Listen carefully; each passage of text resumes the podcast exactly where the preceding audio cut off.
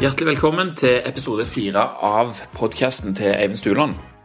Og Denne gangen her så eh, skal vi lære litt mer om hvordan det er å være økologisk bonde. Jeg på, har vært på Randeberg og snakket med en som heter Kolbjørn Anna, som driver Leikvoll økologiske gård.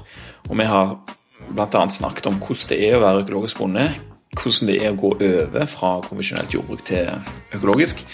Og eh, hvilke utfordringer som møter en bonde som, eh, som vil gå over. da.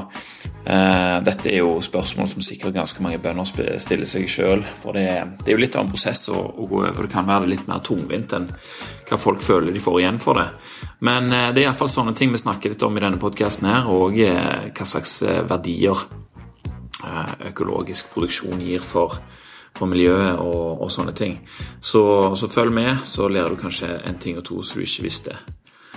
Episoden den er sponsa av Vivo Barefoot og Pure Pharma, så hvis du vil teste ut uh, noen nye sko nå i vår, eller uh, vil justere omega-3-nivået ditt, så ta turen inn på vivabrands.no og benytt deg av rabattkoden PODCASTEN, så får du 10% rabatt på Pure Pharma og Vivo Barefoot derifra. Vi sløser ikke noe mer tid på snikksnakk, da setter vi rett over til Randaberg.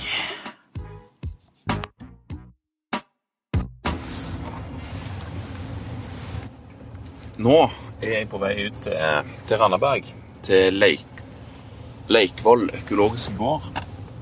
Og skal møte bonden sjøl, Kolbjørn Handa.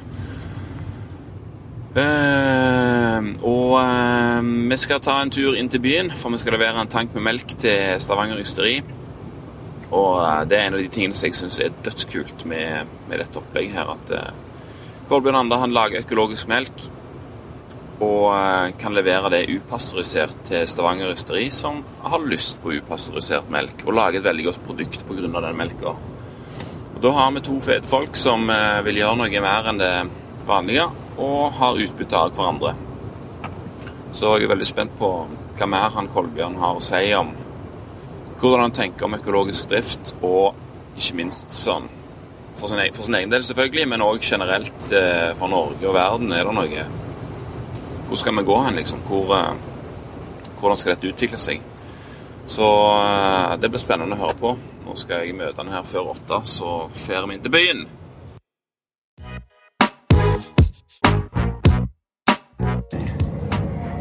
Yes, Da var vi på vei innover til byen med en eh, tank med melk på hengeren. Vi skal ned til Lise på Stavanger Østeri. Hun er glad i melka di. Eh, er glad i melka mi, ja. Hun vil ha eh, melk direkte fra bonden. Eh, økologisk sådan. Så hun kan lage de beste ostene sine av. Og hun lager jo òg Hun lager oster på upasteuriserte melk. Ja, det er ikke så mange som gjør. Nei, eh, iallfall ikke av, ikke av de store. Eh, du kan si Tine og, og, og Synnøve og disse store de lager jo ikke pasteurisert oster. Skal du få det, så må du til disse små uh, ysterier, som uh, da begynner å komme noen av rundt om i, i landet nå. Mm. Det passer jo godt for deg som uh, lager kvalitetsmelk, økologiske melk, at det er noen som uh, kan bruke den direkte. da, At det ikke blir blandet i en tank med all slags annen melk, at du får et sånn spesialisert produkt. Ja, du kan si det at den melka, økomelka som jeg leverte Tine i dag, den, den går til, til Grannes på et, et av Tine sine anlegg der, der hun blir tapt som økologisk konsummelk. Så her i området så er det faktisk underskudd på økologiske melk. Eh, slik at eh, det aller, aller meste av den økologiske melka, eh, den blir brukt som økologisk òg. Okay, ja. du, du, blir ikke blant med konvensjonelle melk. Ja.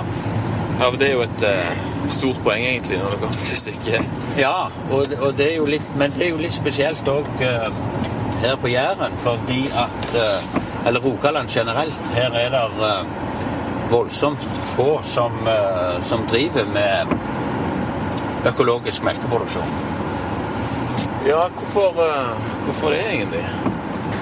Ja, det er jo et knallgodt spørsmål. Det er et spørsmål som vi har stilt oss i mange år, vi som driver. Ja, det ser ut som du trives iallfall, så Ja, eh, det må jeg absolutt si jeg gjør. Og eh, her på Jæren, eller Rogaland generelt, så har vi jo eh, voldsomt gode muligheter for å drive med økologi og i og med at vi har en lang vekstsesong, vi har gode forhold for grasdyrking og mange flinke bønder som er, er glad i yrket sitt og et voldsomt godt landbruksmiljø. Ja, Relativt flatt òg, store deler av Ja, ja, ja. Spesielt her på, på Jæren så, så er det jo flatt og fint. og det da. Men det er jo klart at det er fullt mulig å drive eh, økologisk òg i Ryfylke, f.eks. Mm. Problemet der er at eh, Tine vil jo ikke hente melk der inne. Og det er for langt å, å, å Ja, kjøre. så, så melkebønder eh, generelt i distriktet, de eh, sliter med å få levert.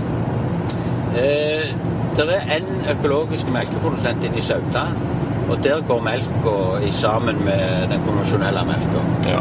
Ja. Fordi at det er jo Det blir for langt å kjøre inn helt til Sauda og hente, Helt egen bil, ja. hente med egen bil, ja. ja.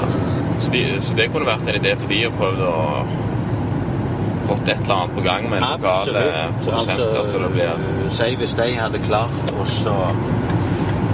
uh, tenke litt uh, direkte produksjon sjøl. Omsatt melk og lagt et eller annet av sin egen melk og sett det som en økologisk ost eller yoghurt eller noe. Så hadde jo det vært en mulighet. Ja. Ja, det er noen som starter opp nå som heter Ryfylke Mat der inne, så jeg tror nok de har noe på gang, altså. Ja, Et eller annet. Så det er jo Det er jo sånn at eh, han eh, kjenner til bøndene og liksom har skikkelig lammekjøtt og lager egne pølser og sånne ting. Det er Stemmer det. bra greier. det er vel kanskje dette prosjektet på Sand med jo Astrid Brommeland eh, i spissen. Mm, det vet jeg ikke. Nei. hvem det? Ja, Det er ei som jobber hos Fylkesmannen, Å, ja. eh, som er utrolig dyktige på lokalmat. Ja. Og har satt i gang eh, mye spennende der inne. Ja.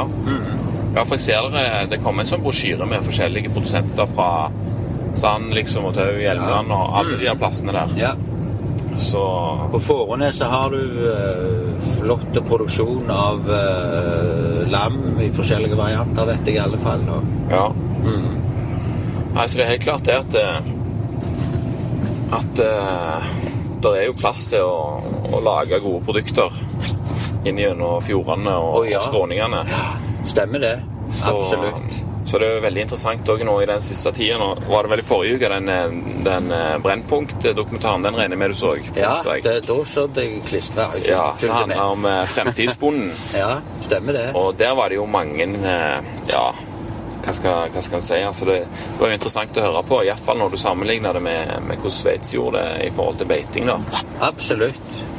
Og det er jo ikke bare Sveits, men òg et land som Østerrike, som jeg har reist i. Jeg har aldri vært i Sveits, men for eh, noen få år siden så var vi på en fagtur ned til Sør-Tyskland. Og da var vi òg innom Østerrike og kikket på det de hadde fått til oppe i fjellene. Og utrolig fascinerende hvordan de små brukene ble tatt vare på, og der de produserte eh, fantastiske oster. og og, og der var det òg slik at der var ungdommen skikkelig interessert i å fortsette å drive, selv om det var et relativt lite bruk. Så mm. for, for der er det sånn at du får støtte mer for, eh, for den jobben du gjør med landskapet, og at du, at du faktisk er en gård der oppe. ja, det stemmer nok det, for de har jo hatt eh, Altså, eh, det å ta vare på landskapet der nede, det er jo enormt viktig. Og det, da bruker de Et av virkemidlene er jo nettopp å, å gi tilskudd til å holde landskapet åpne.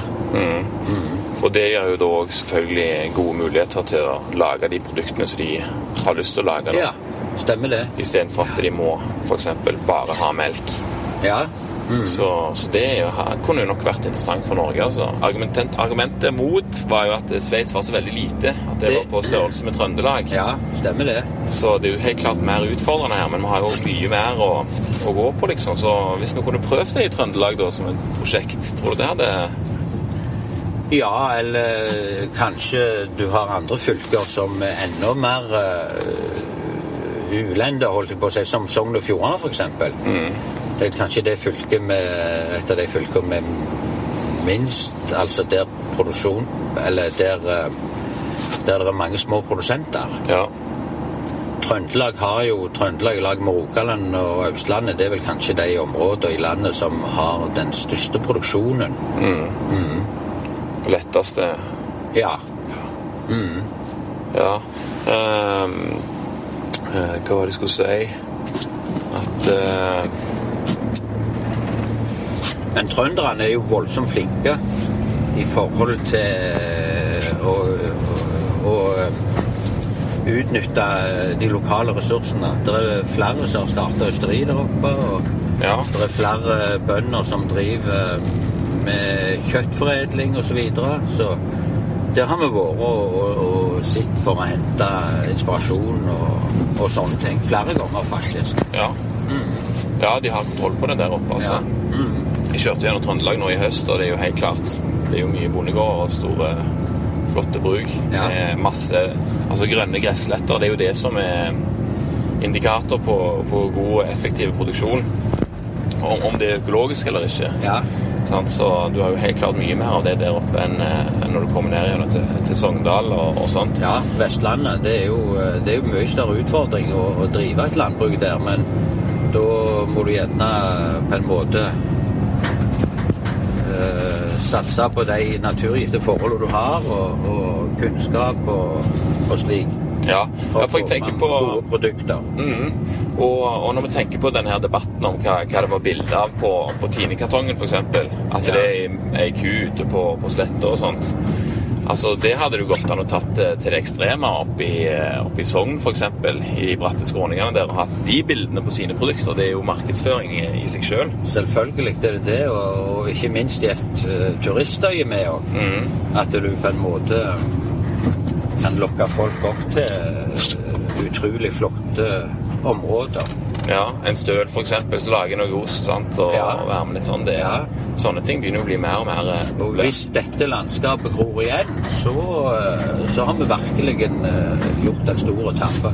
Det tok seg tid å, å åpne det landskapet der, kan jeg tenke Ja, meg. det tok seg tid, og det, det viser bare Det viste jo på den Brennpunkt-reportasjen hvor fort det gror igjen òg. Ja, det var hvis en helt- ikke har beitende dyr.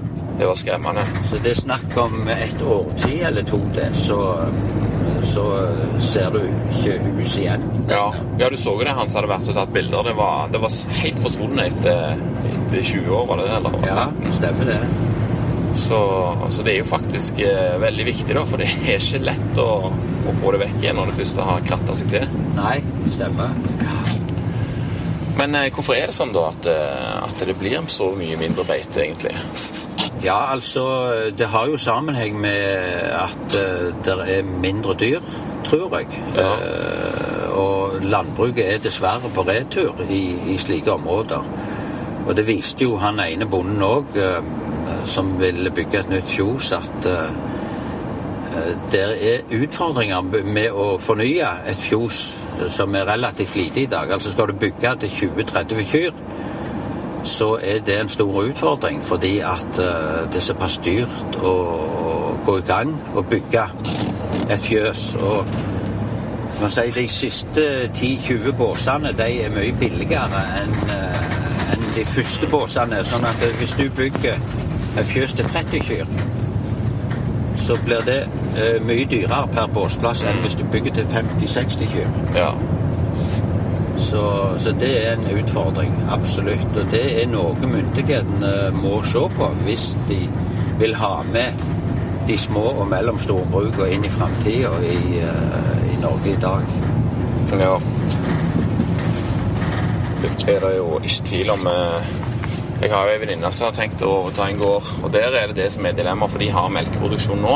Ja. Men det er helt oppe i, i Vikedal, helt øverst i fjellgardene der. ja. Sånn, så det er jo ikke sånn dødsgode plass, holdt jeg på å si. Og, og det blir ikke et sånn et 50-kyrsfjøs. Nei, og det er ikke naturlig heller på sånne plasser, fordi at eh, hvis du anlegger disse svære fjøsene, så må du kjøre rundt og hente på fôr. Ja. Og Så alle de andre som har lagt ned. Ja, ikke sant? i hele bygda, og så skal du i neste omgang eh, kjøre husstødsel rundt. og Det er enormt arbeidskrevende. Ja, og så da hvis du har da, investert i et nytt eh, fjøs i tillegg, så er du rett og slett nødt til å gjøre det de neste så og så mange årene for å få det betalt ned. Stemmer det. Så du, veldig, du låser deg jo veldig i Ja. den der eh, modellen der. Ja, stemmer det. Og, og det blir pga. gjelda iallfall. Ja. Mm. Så, så der har hun et dilemma. liksom. Det har vært melkeproduksjon der, men skal vi fortsette med det, eller finne på et annet nytt sånn type nisjeprodukt som, Ja. eh, som kan selges på en helt annen måte. Så der tror jeg nok det er mange som har den, eh, er i den situasjonen, liksom. ja, og ja, absolutt. Hvordan de skal gjøre det. Og hvordan, hvordan var det for deg? Hva, hva var det som fikk deg inn på tanken til å, til å gå over? Du kan si det at eh, jeg eh, ble fascinert av økologisk landbruk for ja, det er sikkert 20 år siden. Ja. Eh, og da begynte jeg å lese meg opp og gikk på litt kurs og sånne ting. Det var jo ikke så mye snakk om økologisk da, for det var jo nokså på i startfasen, for så vidt. Eh, Så syns jeg dette ble så spennende, så jeg, jeg søkte mer og mer kunnskap. Og til slutt så kom jeg til et punkt der jeg eh, måtte ta en avgjørelse. Skal jeg fortsette som konfesjonelle bonde og bare glemme økologien, eller skal jeg eh, hoppe over med begge beina og bare trø til? Så valgte vi rett og slett å, å hoppe i det og bli økologer i to, år 2000 Ja. starta med omleggingsprosessen, og det vi gjorde det i løpet av eh, tre år. ja. Eh, og vi leverte vel den første økologiske melka i 2004, sånn cirka. Ja, for det er jo ikke bare å, å knipse, og så er du økologisk. Det, det har jo med jord å gjøre og alt Ja. mulig. Det er en eh, lang eh, prosess for så vidt, for det at jorda må ligge i, eh, i det vi kaller for karens. Altså du har en karensperiode på et par år. og Og det er for å Det er liksom Altså ifra du slutter å gjødsle og, og sprøyte, eh, så må jorda ligge eh, et par år før du, før du kan kalle den for økologisk. Ja, sånn at det skal liksom ha forsvunnet mer. Ja, stemmer det. Så hva, var det som veide aller mest da, når du, eh, når du skulle ta denne her avgjørelsen? det var nok, det var nok flere ting. Én ting var f.eks. at jeg likte jo ikke å sprøyte. Sitte på den åkersprøyta. Ja. Selv om vi brukte Jeg vil si vi sprøyta lite. Eh, Men allikevel, det var noe jeg aldri likte. Og så brukte vi lite kunstgjødsel i utgangspunktet. Slik at eh, eh, det å legge om til økologisk, det var gjerne ikke så kjempestort sprang for oss. Nei. Det var bare å slutte å sprøyte og slutte å bruke kunstgjødsel. Ja, og tilpasse det litt sånn. Ja. Og tilpasse det litt på fjosa. Mm. Så, eh, så var vi i gang. Og vi driver jo òg med litt konvensjonell eh, slaktegris. Og den fra, den konvensjonelle husdødsla fra slaktegrisen, den får vi lov å bruke uh, i, i, eh, i det økologiske opplegget òg. Ok, ja. Ja. ja. Så det er ikke så strenge krav til Nei, det er det ikke. det? Eller det, de renser Så- godt opp, de sjøl, eller? Så vi får lov å bruke uh, gjødsel ja, ifra, ifra konvensjonelt husdyrhold, bortsett fra høner som eh, er i bur der, og pelsdyr. Det får vi ikke lov å bruke husdyrgjødsel ifra. Nei. Og hva er grunnen til det, egentlig? Nei, det er vel Ja, når det gjelder høns, eh, burhøns, så er det vel prinsippet, kanskje. Og når det gjelder Ja, det gjelder kanskje det samme med, med mink, eller med pelsdyr òg. Ja. At det har med dyrevelferd å, Ja. gjøre, rett og slett. Ja. Mm. Så i Og så var det eh, flere elementer òg. jeg så et marked. Jeg hadde tro allerede da på et økologisk marked. Eh, at folk ville eh, etterspørre økologisk mat. Og det har de i aller høyeste grad gjort. Så Ja. den trenden, den er den er heftigere og heftigere. Den tydeligere og tydeligere. Ja, ja det, det virker som det er ekspone- eksponentielt, det. så at det blir bare mer og mer. og ja. mer. Og jeg For jeg kan tenke meg For 20 år siden så var det ikke så mye snakk om. Nei, det var, det var iallfall mye mindre snakk om det da. Det var det. Eh, Så, og det er gysla kjekt å se. Det er en god følelse. Og jeg, jeg, Ja, den der Yes, jeg, Ja. jeg satser, og jeg hadde faktisk det. rett. og, og jeg sier det sånn at i år 2016, når jeg var økobonde i, eh, i begynner å nærme seg eh, i 20 år, så så mulighetene har aldri vært så store, og jeg har aldri vært så sikker på at det, det som vi gjorde, var riktig. Ja. så, så i dag. Men det er jo klart at eh, det vil jo alltid svinge litt, altså eh, forbruk og etterspørsel og, og dette. Det vil nok eh, eh, det, går, det, går ikke alt, det går ikke alltid rett opp. Det gjør det jo ikke. Nei, det er jo helt Vi En må jo jobbe med òg for å spre det glade budskap. Ja, klart det. Skal vi se, nå skal vi inn her med melketanken. Ja, nå er vi på mathallen, faktisk. På, Ja. på Storhaug. Det gjelder bare om å sno seg inn her. Ja. Rygge med henger, det er noe en bonde må kunne det. Ja, Den mathallen her er ganske nyoppstarta. Den er startet opp i 2015 på høsten. Ja. Men nå skal de allerede til å bygge den og utvide den.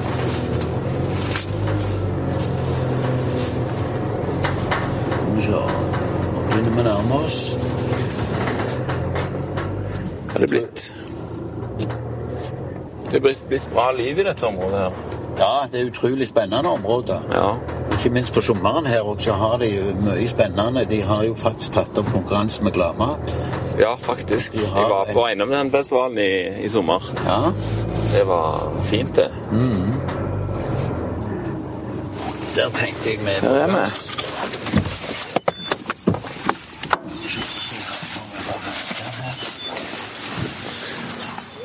Skal vi se Her, vet du, er det et hull i veggen. Hvor mange liter er det i tanken her oppi? Eh, Nå har jeg med meg 600 liter. 600, ja. Ja. ja. Så det, det er ikke rusk. Så hun har et ystekar som tar ca. 750 vel. Ja. Men nå skal jeg få meg nye tank. Litt, litt større tank. ja. God morgen, Lise. Det var så godt du fikk opp i går, siden jeg glemte Ja. Nei, men du ga, du ga beskjed tidligere. var men tenkte siden var så... Ja. Ja. var en uke siden sist, jo helt sykt. Ja, ikke sant? Nei. Skal vi se. Jeg må bare få på meg hanskene her. ja. Bare til å åpne proppen her. Så syker det ut. Så Ja, ja. har vi det pumpa på her. Så pumper det rett opp i ystekaret. ja. Ja. Så Så hovedproduktet hennes, det er jo Det er jo en blåmuggost Ja. uh, som heter Phoenix. Ja. Som, uh, som hun selger rundt ja, hun selger i hele Sør-Norge nå. Ja, ja. Oslo og rundt forbi. Sånn, så. ja. Men de er interessert i nisjeprodukter, ja. Å ja, ja, ja. ja. Ja det, jeg, jeg har sett hvordan du lager den på, på Facebook-sida, Ja. så det kan dere òg gjøre. Inn på eh, Stavanger Østeri på Facebook, så ser du både hvordan osten blir lagt, og hvordan melka blir levert. Ja, Så deg òg der. ja. Ja. De, fikk lagd en video her. Han, Ja, eh, det er glimrende, det. Når du har sånne produkter som virkelig viser litt hva det, hva det handler om, det, det er viktig for, Stemmer det. stemmer for de som skal ha det. Ja. Nei, det, er jo en flott plass å ha dette her på. er Et ysteri mi- midt inn eh, midt inni Stavanger som eh, Det er jo faktisk nokså sjelden, tror jeg. Det er svært få ysteri som ligger inni Ja, jeg hørte det var det eneste. Ja, Rogalands Avis sa iallfall det. ja stemmer det. Eh, og så er det jo enormt òg at vi kan ta et kvarters kjøretur, så har du god kvalitet Ja, økologisk melk Ja. rett utenfor, så Stemmer det kan det. jo ikke bli bedre enn det sånn sett. Stemmer det. Det er jo altfor mange plasser der det, produktene blir produsert eh, så langt vekk at det er, det er vanskelig å nå markedet. Eller Ja. vanskeligere iallfall, Mm. men her er det jo midt i smørøyet. Ja. Så det er jo en interessant modell. modell. ja. Så jeg får meg en fin luftetur tre ganger i uka, sånn cirka. Ja, Fint avbrekk, det. Ja da, det Ja. kan det være. Så Ja da, men det er jo klart det at eh, travle, travle dager når du har eh, når, på sommeren vårvind og sånne ting, da da eh, har han jo for så vidt ikke mer tid enn han må ha, altså. Ja, nettopp, men ok, du eh, må jo få levere melka. Ja, ja. Litt mer avslappa enn nå da, Ja. på, på Ja vinteren. da. Mm. Hvordan er dagen nå da på vinteren? Hva... Nei, du kan si det er alltid nok å gjøre, det er det jo. Men vi kan jo ta det litt, litt roligere. For det er jo ikke så mye som står på ute sånn sett. Mm. Men uh, på en gard er det alltid forefallende ting som skal gjøres, og reparasjoner og, og alt mulig. Så og gjerne legge opp til altså tenke litt framover at du er forberedt når Ja. våren kommer og, Mm. og sånne ting. Ja. Så, så er det som regel noen prosjekter som en har og, Det er viktig, det. eh, å jobbe med. Og, så vi blir aldri arbeidsledige. Nei. Det gjør vi ikke. Det er jo bare å stå opp og spise det rett ut og begynne å Ja. ta tak i det som er der. Ja, mm, stemmer det. Ja. Ja. Så som bonde så eh, så kan du ikke Altså, det er ikke noe 9-4-jobb. Nei. Det er det ikke. Nei. Det er en livsstil. Ja, Ja, og det er viktig å være klar over. ja det, det kan jeg tenke meg. Ja. Det, det er jo en annen følelse, altså det er jo mer den følelsen, sant, hvis du, hvis du jobber med noe som er så altoppslukende. At det, det føles ikke ut som du er på jobb hele veien. Du Mm. Nei. gjør liksom Ja. de tingene du gjør. Stemmer. Ja. Mens når du er på en jobb, så er det dra om morgenen og komme tilbake på kvelden, og så Ja, liksom øh, men det, det er jo klart, det spørs jo Du har dette med trivsel, altså. Mm. Uh, men det gjelder jo for alle jobber. Hvis du ikke trives i jobben, Ja. så har du et problem. aller Så, største grad. og når du jobber så mye som mange bønder gjør, så, så er du mest nødt til å trives med det du holder på med. Ja. Ellers så har du et problem. Ja. ja. Eh, Er det noen spesielle tiltak du har gjort for å liksom sørge for at du trives ekstra godt? Eh, jeg har alltid prøvd å være opptatt av eh, å være med på ting. komme ut og treffe andre. Gå på ja, fagmøter og, og sånne ting. Delta aktivt i, i, uh, i lokalmiljø og sånne ting i forskjellige sammenhenger. Det er utrolig viktig. Ja, det kan I og med at du er din egen uh, herre, holdt jeg på å si, og jobber mye for deg sjøl. Ja. Så det er ekstremt viktig. Det er det. Mm. Få litt påfyll og litt Ja. inspirasjon, og, og Stemmer litt andre veien òg. Inspirere Ja. andre folk. Ja, det er også hvis vi kan, eh, hvis vi kan gjøre det, så er det flott. Ja. Vi har jo òg hatt en eh, ansatt nå i fire-fem år eh, i ja, som ca. halv stilling. Ja. En voldsomt dyktig mann fra Latvia. ja. Nå sa han opp her i, i fjor høst fordi han fikk seg jobb hjemme okay. i, i Latvia. Mm. Og det er jo forståelig, for det er jo lang vei å pendle når du Ja, har familie og sånt. det. Ja. Men det var jo en utrolig dyktig og flink mann. Ja, så han gjorde alt de samme tingene som dere gjorde? Ja da. Da reiste vi bare på ferie, og, og han fiksa opp. Ja. Det gjorde han. OK. Så der var, der var tanken tomme? ferie. Ja. Det går nokså kjapt, egentlig. ja, det tok ikke lang tid. Ja da.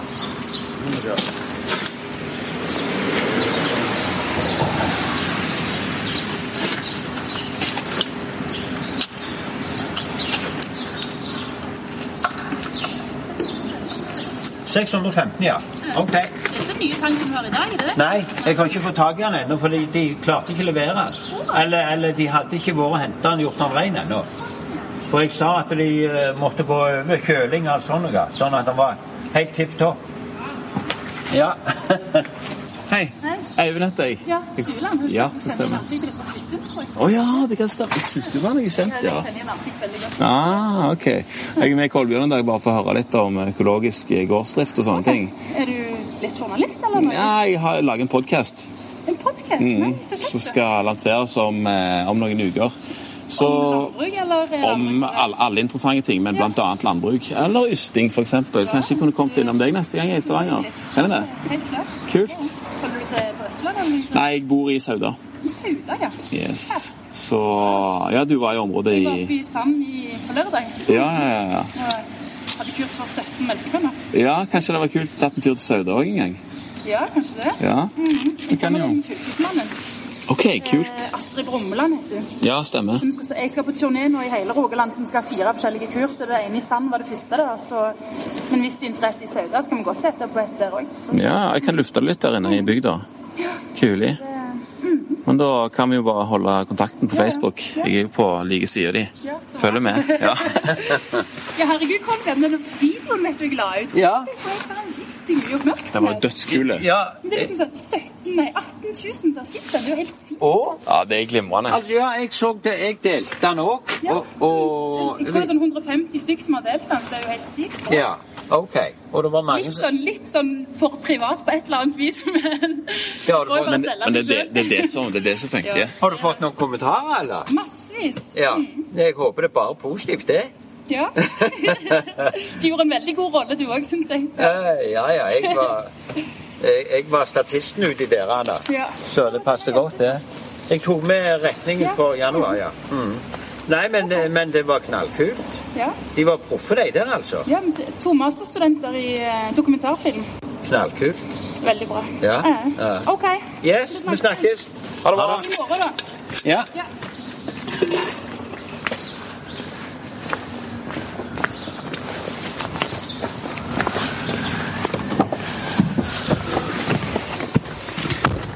Og det gjort. Da var det gjort, ja.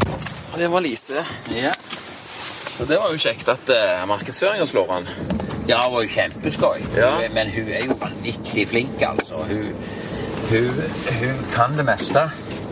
Det kan hun, så Og bare se det hun har fått til her, det er knallkjekt. Ja, det er helt enormt. altså. Det virker ikke som hun er redd for å Nei, hun er ikke redd For å gjøre det hun må gjøre. Nei. Så det er gysla kjekt å, å være med på, rett og slett, altså. Ja. Og bli inspirert av, av dette her, Så Ja, jeg ble, når jeg så at du hadde vært på Sand og hatt ostedyr, så ble jeg eh, gira på å hive meg på neste. altså. Ja, for det at eh, de ostekursene vi kjører, det er jo for eh, eh, Jeg gikk eh, for ja, et godt år siden. Jeg var med på et av de første kursene hun hadde eh, her i Stavanger. Og det er jo faktisk òg for vanlige folk, for det at det handler om å eh, lage eh, gode produkter hjemme på kjøkkenbenken. Ja, Og så vite litt om at det faktisk går an òg. Ja, For det, det det. begynner å bli ganske fjernt. eh. Og ja, i aller høyeste grad. I aller høyeste grad. Så det vi lærte da på det kurset, det var jo å lage yoghurt. Vi lagde surmelk. Vi lagde faktisk òg fetaost. Ja. Og, og, så det er, det er masse muligheter. Du kan òg lage ditt eget smør ja. eh, og så videre. Så Alt dette kan du gjøre med bare med ei kanne med melk og, ja, stemmer det. og fyre i gang, så, Ja. så lenge du vet hva du holder på med. Ja. Ja, jeg har lagt eh, litt eh, kefir og sånt har jeg pleid å lage når jeg får tak i eh, skikkelig melk. Ja. Det er òg noe som er ja, da bruker du kefirkorn, sikkert. Ja. Ja, stemmer det. Hva tenker du er den eh, den største utfordringen du hadde når du skulle, eh, skulle bli økobonde? Ja, det er jo alltid spennende. For det at eh, som regel så så er det jo ikke sånn at eh, de største utfordringene som du går rundt en bil, det, det blir gjerne ikke det som er de største utfordringene. Ja. Og det er noe av det som eh, kanskje jeg trodde ville bli største utfordring, det var eh, å få gode avlinger. Å ja. Altså, vi var jo eh, indoktrinerte ifra ja. Det som du da pinglete, ja. Norsk Hydro. De, Ja. I dag heter det jo Yara.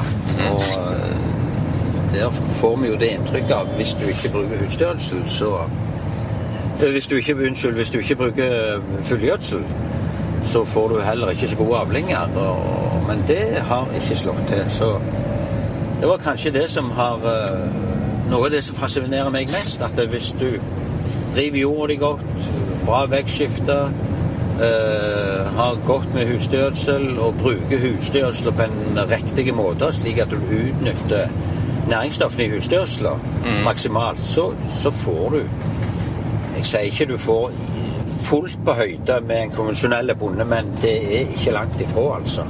Det er det ikke. Og det må jo være en sinnssykt kjekke ting å oppdage. Ja, det var vanvittig kjekt. Det var det. Eh, Så har du dette med med lufting av dyr. Det trodde jeg gjerne ville bli en utfordring, eh, i og med at vi skal lufte dyra to ganger i uka og på vinteren. og Det har òg gått utrolig bra. Og, og det er faktisk bare en fordel, for det at eh, da lærer dyra seg å gå inn og ut eh, hele året. De eh, sliter litt klauer, og de får mosjonere litt. Så det er bare positivt. Ja, ja for jeg så jo på den der Brennpunkt-dokumentaren. Der var jo kuene de var jo bare inne, de, selv om de hadde døra stå åpen og alt om, eh, om sommeren. Ja. De, på den her storgården. Det er nok gjerne i varme perioder at de, eh, at de trekker inn, da. Men det er klart at uh, eh, i dag, eh, hvis du skal ha ei ku til å molke 10 000 liter, og, og vel så det, så er det voldsomt krevende. Og da Det er ikke så mye energi da til å springe rundt og Nei, altså, da må dyra mest uh, ha full innefòring. Ja. uh, døgnet rundt, og da blir det vel gjerne begrensa hva de går ut for å hente gress ute. Ja, for det er, jo, det er jo sånn som han sa der, at desto mer de beveger seg, desto mindre energi er igjen til, til melk. da. Så den beste kua hans, den la seg ned og lå, og så gikk bort og spiste, og så om igjen og om igjen. Ja. Så, ja, Nå har jo ikke jeg jo, så ikke Robert heller, så Nei. eh, det har jeg jo ikke, men uh, har du Som på sommeren, hvis du har fantastisk gode beiter, så, så skal jo dyra molke bra uten kraftfôr, og det er jo det som eh, er spennende òg. At eh, driver en beitebruk, så kan en klare seg med mindre kraftfôr enn hvis en har full innefòring eh, i et opplegg der, eh, der en legger opp til en voldsom høy ytelse. Ja, for altså den Alt det som du får tak i av fôr som er ute, og sånt, det er jo for så vidt gratis. Så, så det burde jo være en sånn en positiv ting å kunne mm, benytte seg av det, kan du si. Ja, altså gode beiter, det er jo billig fôr. Ja. Altså, og der dyra kan høste det sjøl, så sier det seg sjøl at eh, da har du muligheter for å, å, å eh, skaffe Ja, at, at det er rimeligere. Men dessverre i dag så er kraftfôrforbruket det er jo på vei opp, og det er jo litt synd, for det at eh, det viser seg jo at eh, både kjøtt og melk, de eh, Altså, du får en litt annen kvalitet hvis du bruker lite kraftfôr. Eh, og det har med fettsyresammensetningen i produktene å gjøre. Ja. Forholdet mellom omega-3 og omega-6. At det er mer kraftfôr du uh, bruker på et dyr til Jeg tror du får mer omega-6 i forhold til omega-3. Og det er ikke sånn ernæringsmessig spesielt gunstig. Ja.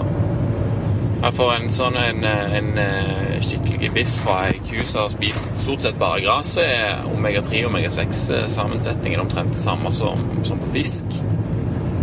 Så, så den blir jo veldig ujevne når du, når du får bare kraft for, faktisk. Du, du gjør noe med det forholdet der Ja. når du, hvis du fôrer med mye kraftfôr. Men det, det er liksom Det er en av de tingene som er Det er jo fakta, men det, det er veldig få folk som vet om det, egentlig. Stemmer det. Eh, men det kommer. Ja. Jeg tror det kommer mer og mer.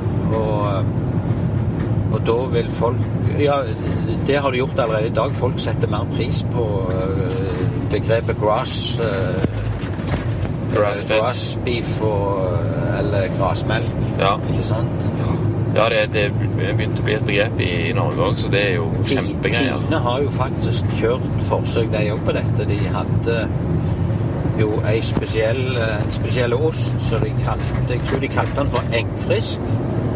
Der dyra skulle ut på beite på sommeren, og de stilte vel litt spesielle krav til kraftfôr og, og sånne ting.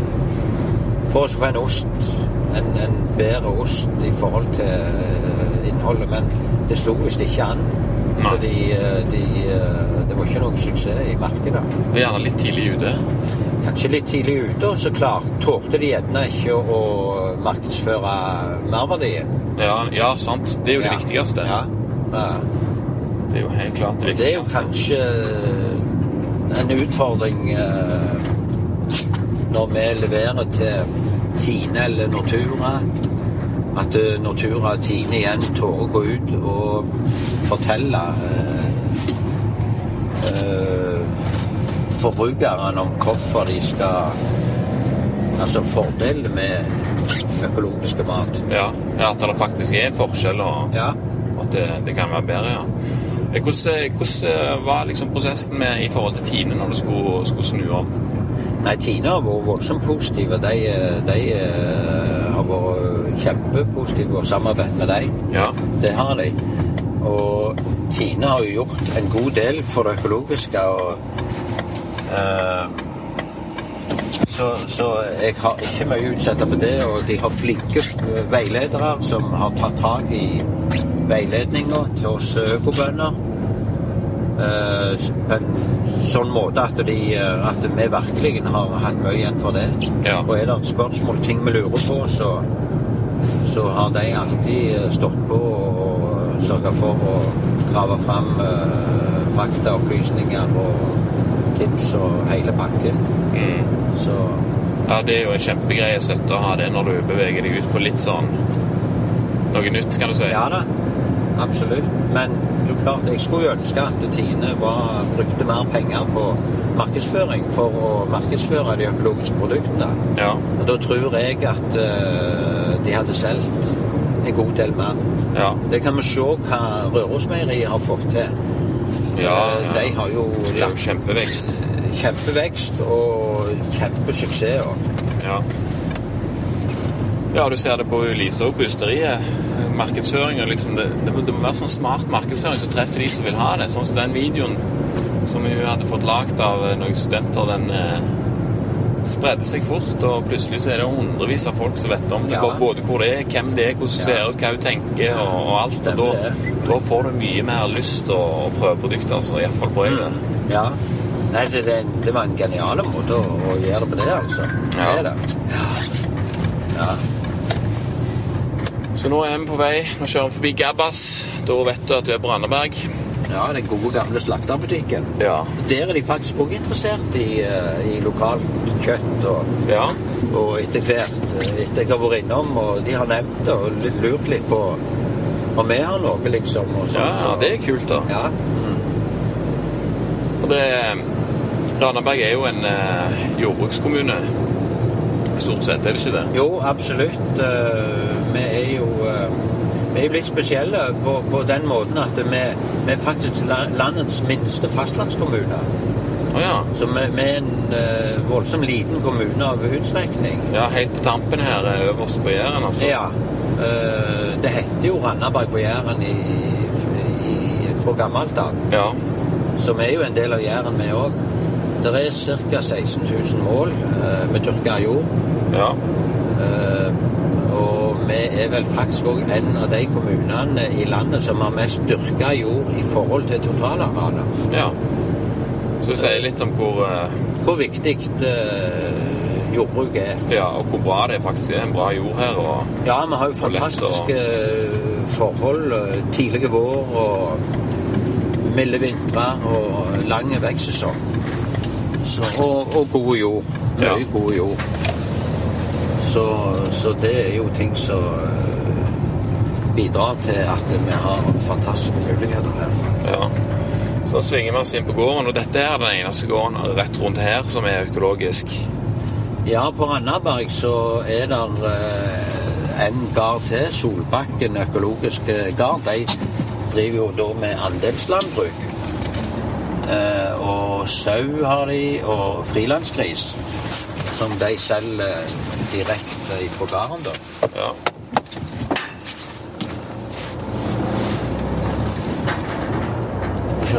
Det gjelder om å treffe her. Nå må, ja. nå ringer vi henger igjen. Vaske tanken. Det er viktig at den blir rengjort skikkelig. Ja, det er klart. Sånn at du ikke får seg noen overraskelser. Ja. På ysteriet.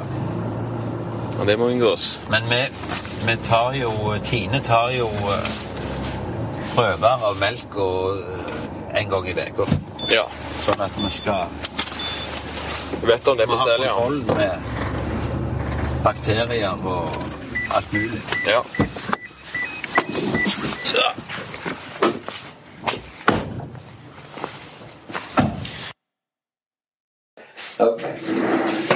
Ja vel, da er vi tilbake, og tanken er vasst, og inn i varmen, og Ja. spist frokost. Må vi ha seg skjeve. Masse skjever, ja, og, og kefir er det her, og Nei, surmelk. Surmelk og yoghurt og honning fra gården og aroniabær, syltetøy og Det er litt nice å, å se at det blir brukt der, der det kommer fra. Ja, og eh, det er jo såpass mye du kan lage òg sjøl. Ja, det er jo det. Ja, hvis du utnytter ressursene. Og tar deg tida til det. Og ta ja, ikke minst det, altså. Det, nå er det dessverre ikke egenproduserte høner. Det er egg, dette her. Ja, ja, ja. ja, ja. Det får gå. Får være grenser. I og med at reven var forsynte seg grovt av Ja. hønene, så Så har vi Jørgen òg på plass, odelsgutten. Ja. Eller jeg er vel egentlig minstemann, men Ja. Du tok odelen allikevel. Ja, vi har ikke blitt enige om det ennå, men uh, får se hva det blir av det. Men du jobber Ja, nå har jeg faktisk nettopp kommet hjem fra Afrika, da. Så uh, Men nå ja, må jeg være med og hjelpe til litt her, ja. Ja. I Afrika, hva har du gjort der? Ja, Det var tre måneder, meg og kjæresten. Så det var litt forskjellig. Vi starta turen med en studietur med Bonde- og Småbrukerlaget. Eh, som fokuserte en del på samvirke og ja, småskala jordbruk og litt forskjellig. Ok. Så det var veldig spennende. De er jo græla flinke på samvirke. for De har et eget universitet, faktisk, kun for samvirke. Så der kan de jo skikke, kan de jo skikkelig. da. Ja, ja, hva er det det går i da? Selve samvirket, eller Ja, liksom Eller- de Ja, der er det jo eh, Det var kaffen det starta med da, i forhold til samvirket. Ja, ja. Eh, og nå har det bredt om seg på eh, melk og litt forskjellig òg. Eh, men der fungerer jo samvirket bedre enn det det gjør i Norge, vil jeg si. Der, Der er det jo selvsagt mye mindre enn eh, Ja. Og, og de som jobber i samvirkene, er gjerne utdanna innenfor mm. samvirket, i motsetning til Norge, der det er gjerne bare en haug med økonomer som jobber i samvirket. ja hvordan funker det, da? Ja, det kan jo diskuteres, det, da, men eh, en, det er vel ikke alle som kjenner at de eier disse samvirkene i Norge da, og har så veldig mye å si og som er påvirkningskraft eh, lenger, da. Okay, ja. Siden det har eh, vokst eh, ja, ut av eh, sin funksjon, kanskje. Mm. Ja da. Så sånn er det. Så det er ikke verst å dra til Afrika tre måneder og lære om samvirke. Nei, det var bare første tida, da. Så etterpå da var det litt mer sånn på kjølstyr. Far har et søskenbarn som driver en barnehjem der nede Tror du det, ja? for eh, funksjonshemma unger. Eh, og bar barneløse, selvsagt. Nei, barnløse Foreldreløse. Eh, så var vi der og jobbet i eh, kjøkkenhagen der. Drev den. Eh, ja, så var vi en tur til kysten og hadde litt sånn vanlig sydentur. Ja, må ha det òg hvis det er i området. og så besøkte jeg noen andre prosjekter til en professor fra NMBU på Ås. Ja. Som eh, De er NBU og, og SUA, altså Landbruksuniversitetet i Tanzania. De har en sånn utvikling og har hatt det i mange mange år. da. Okay. Så man er jo skikkelig litt på forskjellige prosjekter der. Eh, ja.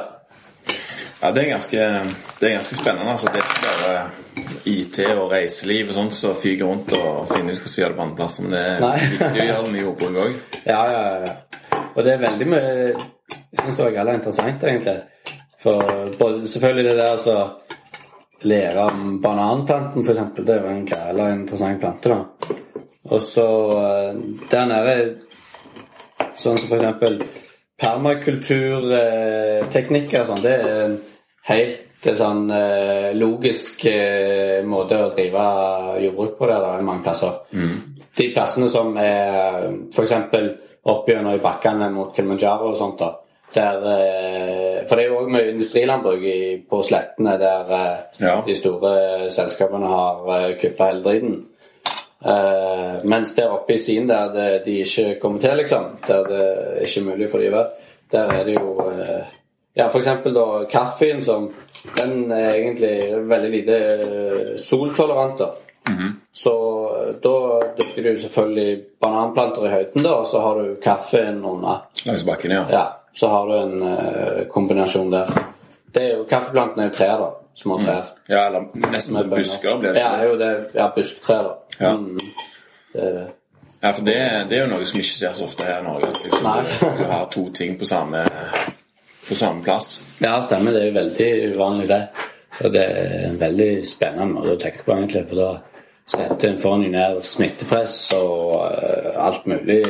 Ja, og vekstene uh, utnytter hverandre. Så ikke utnytter, men eh, ja. Ja, det er jo det er jo sånn det er. Eller sånn, sånn som hvis du, hvis du ser for deg en sånn god, gammeldags gård, så er det jo sinnssykt mange ting på den gården. Det er både Ja. sager og gras, og det er flere forskjellige typer dyr. Sånn, så det er, det er forskjellige typer gjødsel. Og, ja, klart det. og da skjer jo det greiene der med smittepress og alt sånt, så det at det, at det er større mangfold liksom i, i gården i seg sjøl. Ja, stemmer. Mens nå er det ofte bare en eneste ting. Ja. Det blir jo mer og mer det. Ja. For de fleste iallfall. Ja, Mens dere går litt andre veien. Nå ser jeg jo både geiter og griser Ja. og kuer her. stemmer det. Men vi har for så vidt eh, Ja. Mesteparten av arealene går jo til, til kyrne, da. Og til melkeproduksjon. Eh, så jukser vi litt med grisene, for de er jo bare konvensjonelle, da. Ser ut som de har det greit, iallfall. Det er jo, Ja det er jo Ja. like så viktig, det. Mm. Men det er jo veldig viktig gjødselressurs, da. Det er det jo. Klart. Mm. Så det hiver dere ut på bakken om våren. Ja. Mm. På våren og en gang etter uh, første slåtten. Vi har jo et litt spesielt um, gjødselsystem, da. Ja. Så vi, kjører jo All gjødsel blir kjørt ut med en såkalt eh, slangespreder. Så i plassen for å ha ei svær og tung tankvogn, Ja. traktoren, så legger vi ut slanger Ja. som sleper etter, etter en traktor. Og så er det en tolv meter brei bom bak på den traktoren, så gjødselen blir spredd ut og lagt helt ned på bakken. Ok. På den måten så får du ikke avdrift. Når du får plassert gjødsla eh, helt inn, inn i mellom gresset, kan du si, slik at du får liten avdamping og av nitrogen og sånne ting. For da, mm. får vi utnytta Ja, ja. næringsstoffene i gjødsel på en optimal måte. ja, en må jo ta i bruk alle, Ja. Mm. alle ting en kan eh, Ja da. på det, altså. Vi ser naboen til svigers. Han gjør det ikke helt på den måten. Han eh, Han bare tar og hiver en dunge der og en dunge der og en dunge der. Liksom litt sånn høyt i, i landskapet, da. Du, ser, du ser jo at det virker. For når, når gras begynner å komme, så ser du at det er en grønn strek som går ned fra den dungen der. Og så strer den litt sånn utover våren, som. Det funker jo, men det, det er jo klart at det, du taper jo litt av Men det er to- Tore-gjødsel, det.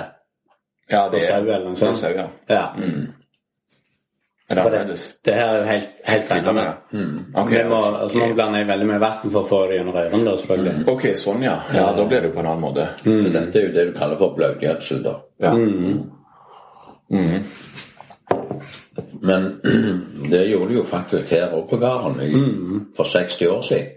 La ut det. Spadde de ut. Da var det hest. Hest og kjerre. Så spalte jeg det er vel gjerne enda mer enn 60 eh, Det var vel på begynnelsen av 50-tallet, så jeg vet ikke hva tid de begynte med å kjøre det ut med traktor.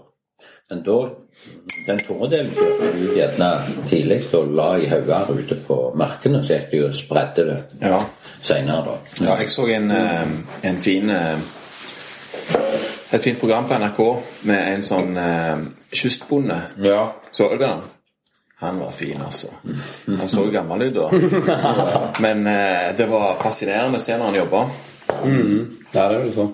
Han, eh, han gjorde det. La det ut i dunger, og så gikk han med, med møkkagrep og, og slengte det rundt seg. Det, jeg hadde jo ikke så mye valg, han da. Det var jo ikke noe traktor og sånt. Det var jo bare en liten holme. Ja, okay. Men han fikk det til. altså. Han hadde jo helt ekstremt stor variasjon av eh, planter i, i høyet. Det var helt, mm. helt vanvittig. Og der har det aldri vært brukt noe gjødsel heller, vet du. Så, Nei. Nei. så da er det, alt har blitt overlevd, kan du si. Ja.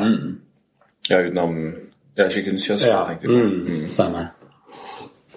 Så han hadde flere sånne uh, rødlista uh, vekster da, som vok vokste kun der omtrent. Og det var fordi at det, det var så stort mangfold, og så var det god gjødsling, og så, og så slo han Ja. hele tida. Så det var det som gjorde at, det, at dette her funka. Han hang jo ned gjennom eh, Svaberg og reiv gras med hendene, liksom, der, der han ikke kom til med åren. Så, så det var det var jo helt vanlig før det, og måtte jo bare få inn det Da måtte, så mye du klarte. da måtte ressursene utnyttes maksimalt. Ja.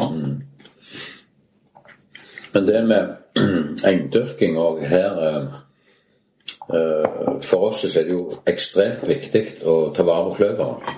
ja. Og det, Ja, hvorfor er det så viktig? ja, det er faktisk noe av det viktigste i, økologisk, i et økologisk perspektiv. Det er disse belgvekstene som vi er spesielt glad i. For de, de tar nitrogen ifra lufta. Ja. Og så um, gir de til planten. De lever, altså Det sitter noen små knoller på røttene på plantene. Så de lever i en såkalt symbiose, ja. der de gir nitrogen til planten. Og så får de sikkert noe tilbake fra planta. ja, de får vel eh, karbon, da. Som de utvinner fra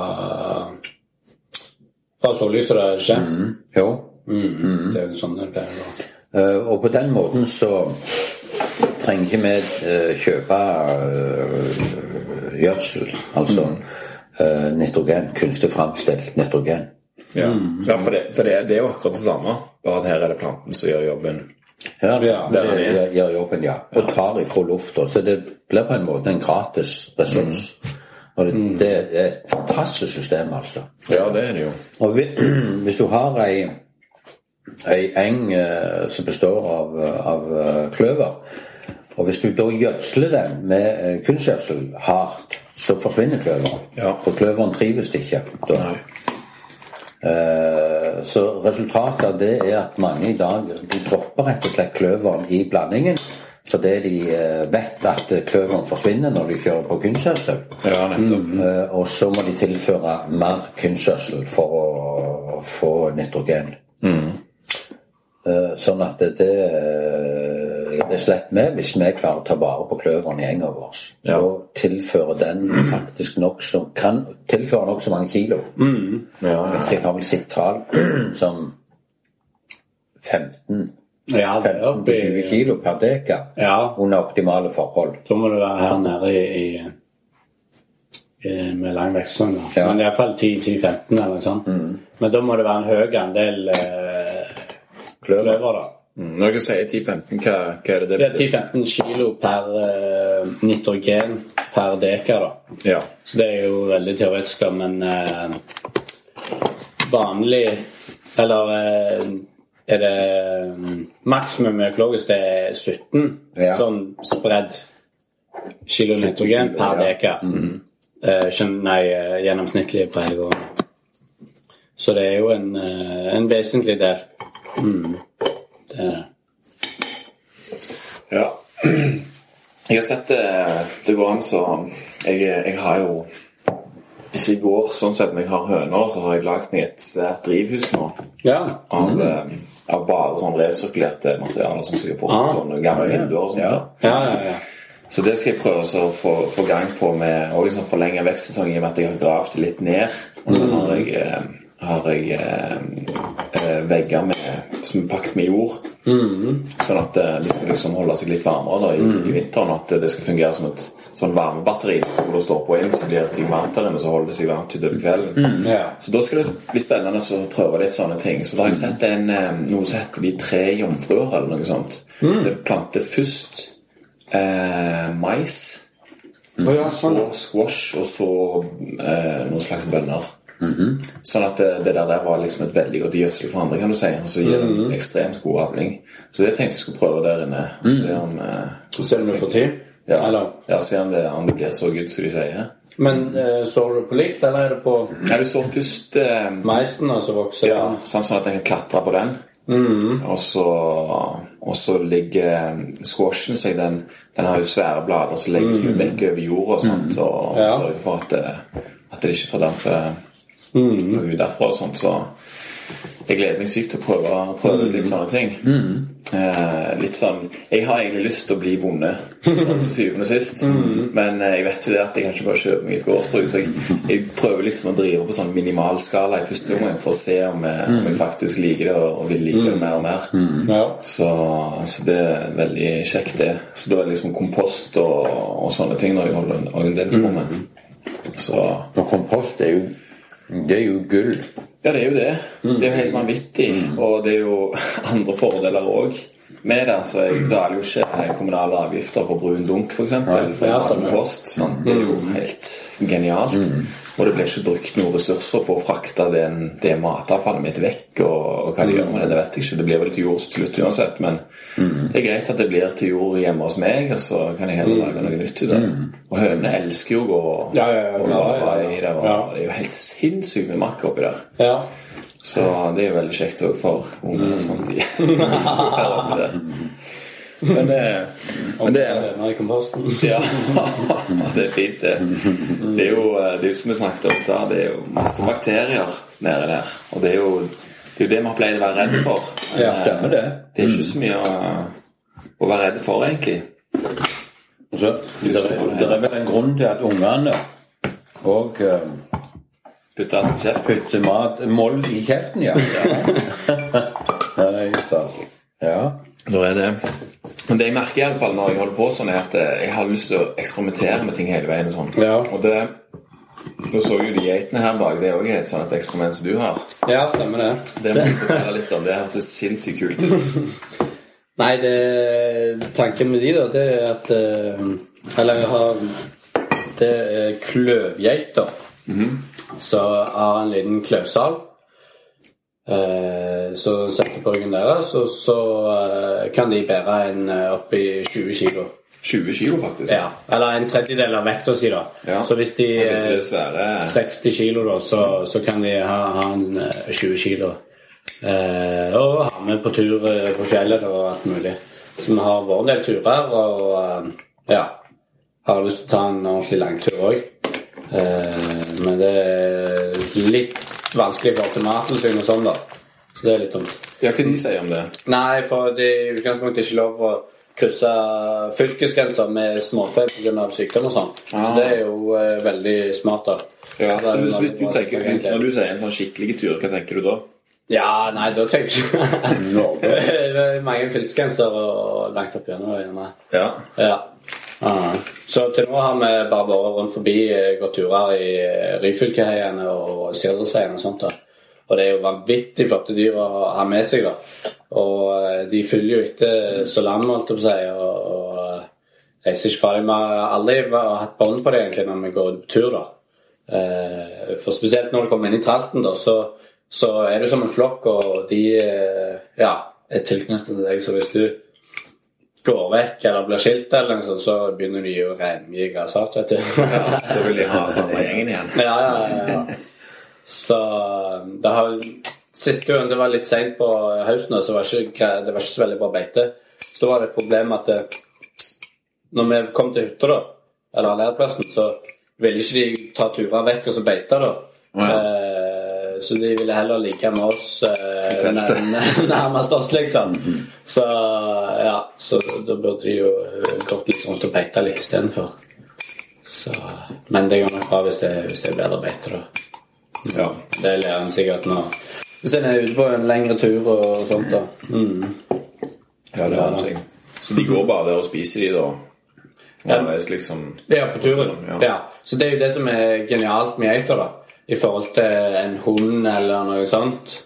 Der du må bære all maten til hunden. Eller hunden må bære sin egen mat. Ja. Og så kan han ikke bære så mye mer, gjerne. Mens geitene de eh, finner jo all maten sin der ute. Eh, og eh, de kan bære alt mulig annet. Ja, ja de gjør jo en dobbel jobb òg, det. De, Ja, de- holder, spiser litt ned og gjør Ja. det. Så det er jo uh... Stemmer det.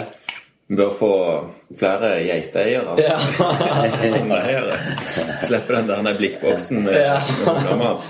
ja, ja, ja, ja. Ja, det hadde gjort seg. ja da. Så hvordan eh, Altså, nå har du jo holdt på i 15-20 år med å være økologisk bonde. Men fremdeles så er det, er det bare du og én til her på Randaberg. Er det lite Ja. interesse for det generelt, eller hvordan er det? Det er økende interesse, det vil jeg absolutt si. Eh, Spesielt altså fra forbrukerens side. Ja. Så dessverre så må vi importere mer og mer økologiske mat. Grønnsaker og sånne ting. Og, og det er jo absolutt uh, ting som godt kunne vært dyrka her i Norge. ja. Like så greit, rett og slett. Ja. Jeg så jo den her eh, så vidt en sånn tomatoversikt her om hvor, hvor mye det koster å dyrke tomater her oh, ja. i Spania. Det var jo ekstremt mye, vet du. Du bruker mye lys og, og sånt. Det er jo helt klart det er mer krevende krevende klima. og sånt sett, så det, jo, det som er kult, er å finne ut hva som funker veldig bra her. Sant? Altså Hva du kan få mest, eh, mest ut av, istedenfor å finne ut hvordan du kan dyrke noe på tross av klimaet. liksom. For det er jo ofte det som, det som skjer, liksom. Men òg at vi, vi kan kanskje bli litt flinkere og så tenke at uh, sesong, uh, sesongvarer At vi uh, skal begynne å tenke litt mer sånn som vi kanskje tenkte før, med rotgrønnsaker på vinteren. Ja. Som er en fantastisk sak. Altså Du kan lage mye godt av det. Og næringsrikt og, og sult på alle måter. Og sulting og Ja. Ja, stemmer det. stemmer det. Så det er utrolig mange måter eh, å konservere mat på. Det, det kommer jo òg for fullt nå med melkesyregjeringen. Absolutt. Det er kult. Eh, Stor interesse for det. eh, Så og flotte måter å, å ta vare på maten på. Ja. Men sånn, du nevnte tidligere at liksom, hva ting som har vært vanskelig og sånt eh, med å gå over og sånt, men det, det er mye motbør fra andre bønder som ikke helt eh, er med på, på samme leia. Ja, det er jo klart at eh, vi har jo opp gjennom tida fått eh, fått en del spørsmål fra uh, våre konvensjonelle venner, holdt jeg på å si. Og, men det må vi, det må vi bare eh, takle. Mm. Det må vi. Eh, så en god diskusjon, det kan vi godt ha. Det må, det må vi jo ha. Vi har jo ikke monopol på vete, vi, selv om vi er økobønder. Det er vi langt ifra. Så vi kan helt sikkert gjøre ting på andre måter og utvikle oss, vi òg. Ja. Så det, det er ikke et øyeblikk i tvil om. Mm. Så vi har noe å lære av hverandre. Det har vi helt sikkert. Ja. Ja. Har både bønder her i Randeberg og helt ned til Afrika og hvor som helst. Ja. Ja, ja, absolutt. uansett. Men eh, hvordan ser dere for dere fram igjennom, da? Nei, jeg ser, eh, jeg ser lys på framtida som økobonde. Det gjør jeg. eh, For jeg, eh, jeg tror det blir en større og større del av framtida med økologi. Ja. Ikke et øyeblikk i tvil om. Nei, det er jeg enig. Så, så der, der, der, der har jeg en god, god magefølelse. Ja. Og jeg ser jo bare òg på gården her at det kommer stadig flere folk som er interessert i hva vi holder på med. De vil ha økologisk mat. De, de vil ha mat som de vet hvordan er dyrka, ikke sant. De vil vite litt om, om dyra, hvordan de har hatt og osv. Og, og alt dette. Så. Litt hvordan bonden tenker òg, vel? Ja, det òg. Ja, Det er jo viktig. Ja. Mm, ja. Så Og så lenge vi bor så nært opp til Stavanger med Gården her grenser jo til Stavanger kommune, Mhm. så har vi jo eh, fantastiske muligheter med omlandet her og mye folk og mm, Absolutt. Og så er det på gang litt eh, kjøttproduksjon òg. Ja, vi har eh, Vi holder på å starte opp noe som vi kaller, kaller for landsbykjøtt. Ja. Der vi vil eh, prøve å få eh, selge eh, mest mulig kjøtt direkte ifra, ifra gården, da. Forskjellige varianter. Så vi har jo eh, en gammel silo her som, vi- vil innrede og lage et slags grovkjøkken på. Der vi skal ha et godkjent lokale fra Mattilsynet. Der kan vi kan skjære ned litt kjøtt og eventuelt lage noen enkle produkter. For så å selge ut i markedet. Og der eh, skal vi da kunne tilby storfekjøtt, frilandsgris og lam. eh, er det vi i første omgang nå vil kunne ha. Ja. Nei, det er en eh, Det er en kjekke ting, altså. At det kommer litt, litt sånne ting som det der. Altså, du, du får det jo i butikken, men vet du ikke hvem og går og, og noen ting. Altså, det, som, det som kan være litt irriterende, er at eh, en bonde som har leverer et sinnssykt godt produkt Kanskje dyra har vært ute hele sommeren, og, og de er friske, og de har uh, mosjonert og, og spist det de skal. Så kommer de ned, så er det slakt, og så er det havner de akkurat samme pakken og akkurat samme hylla som en som er helt motsatt og kun hatt kunstgjødsel, nei, kraftfôr eh, hele sommeren. Ja. Så det at eh, folk kan vite hvor de skal gå hen for å finne de tingene de vil ha, det, det tror jeg er veldig viktig. altså. For eh, du vet jo ikke om du spiser et sinnssykt sunt og friskt dyr, eller om det er en eh, Nei, det kan, En være, det kan være en okse som har stått på full innefòring hele sitt liv, og, og på relativt store mengder med kraftfôr. Så det, det får du jo ikke beskjed om. Altså. Og så er det ikke det er jo de færreste som er så gode at de kan liksom Nei, denne her ser jeg at eh, her har Du klarer jo ikke å se det, du klarer ikke å smake eller noen ting. Det, det går jo mer på den følelsen av ja, hva du vet for noe. sant? Så Men ja, ja, det er jo enkelte kokker som sier det at de, de mener de klarer å, ja. å kjenne forskjell òg, altså. Men Ja, ja det er jeg sikker på. Men sånn den vanlige personen liksom i butikken Ja. eh, er nok ikke så Ja, Han klarer nok ikke å skille den ene gildebiffen fra den andre. Nei. Nei. Om det Ja, det er nok Ja, men det- Men det som virkelig hadde vært spennende å, få til, som Jørgen kanskje har snakket en del om, det var også begynt og klart å slakte dyra hjemme på gården. Der ligger det uh, en stor eh, fordel i. Ja, ikke det, Jørgen? Jo, jeg eh, vil si det. at eh, Jeg syns det vil være viktig å ta den biten òg hjem til gården. Helt klart. Eh, For i dag er det jo ikke helt optimalt. Nå ligger vi for så vidt i en ganske fin plass. at det, ja, hva er det, halvtime til slakteriet vårt? Ja. Men så er det jo andre plasser der du kjører i åtte timer eh, på dyr og med på en trang henger, liksom, og hoppe over fjell og strand. Ja. Så, så kommer de fram til slakteriet, og vet ikke hvor lenge de må stå der, men eh, det blir iallfall mye stress, og det påvirker både kjøttet sin kvalitet og alt mulig. Og selvsagt og dyret òg. Det er jo ikke noe gildt for dyret.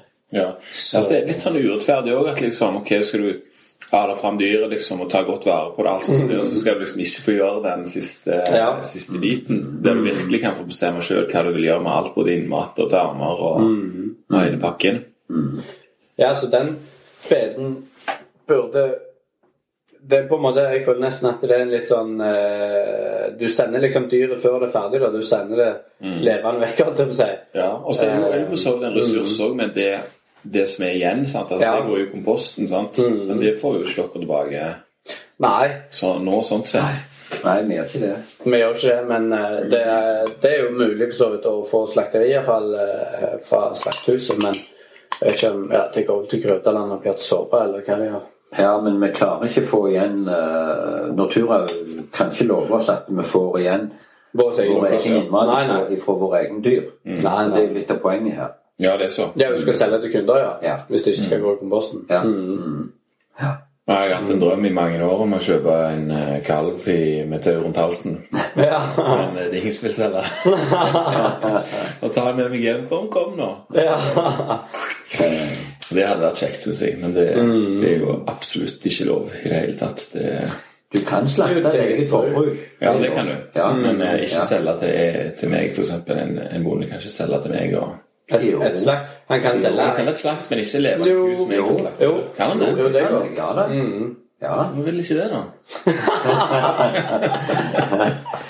Altså, jeg selger jo, jeg selger jo dyr til f.eks. Solbakken gård. Eh, Likdyr som, Ja. eh, som eh, mm. da har gående hele sommeren på beite. Og på høsten så slakter hun det. Men da, da slakter du jo på slakteri, da, altså, men, men, men jeg kunne jo godt slakte hjemme for den saks skyld. Jeg trodde ikke det var lov med, med storfe, iallfall. Jeg tror ikke det er noen begrensninger på det. altså. Okay, ja, da må jeg jo ta opp igjen Ja. Da må du ha store haker.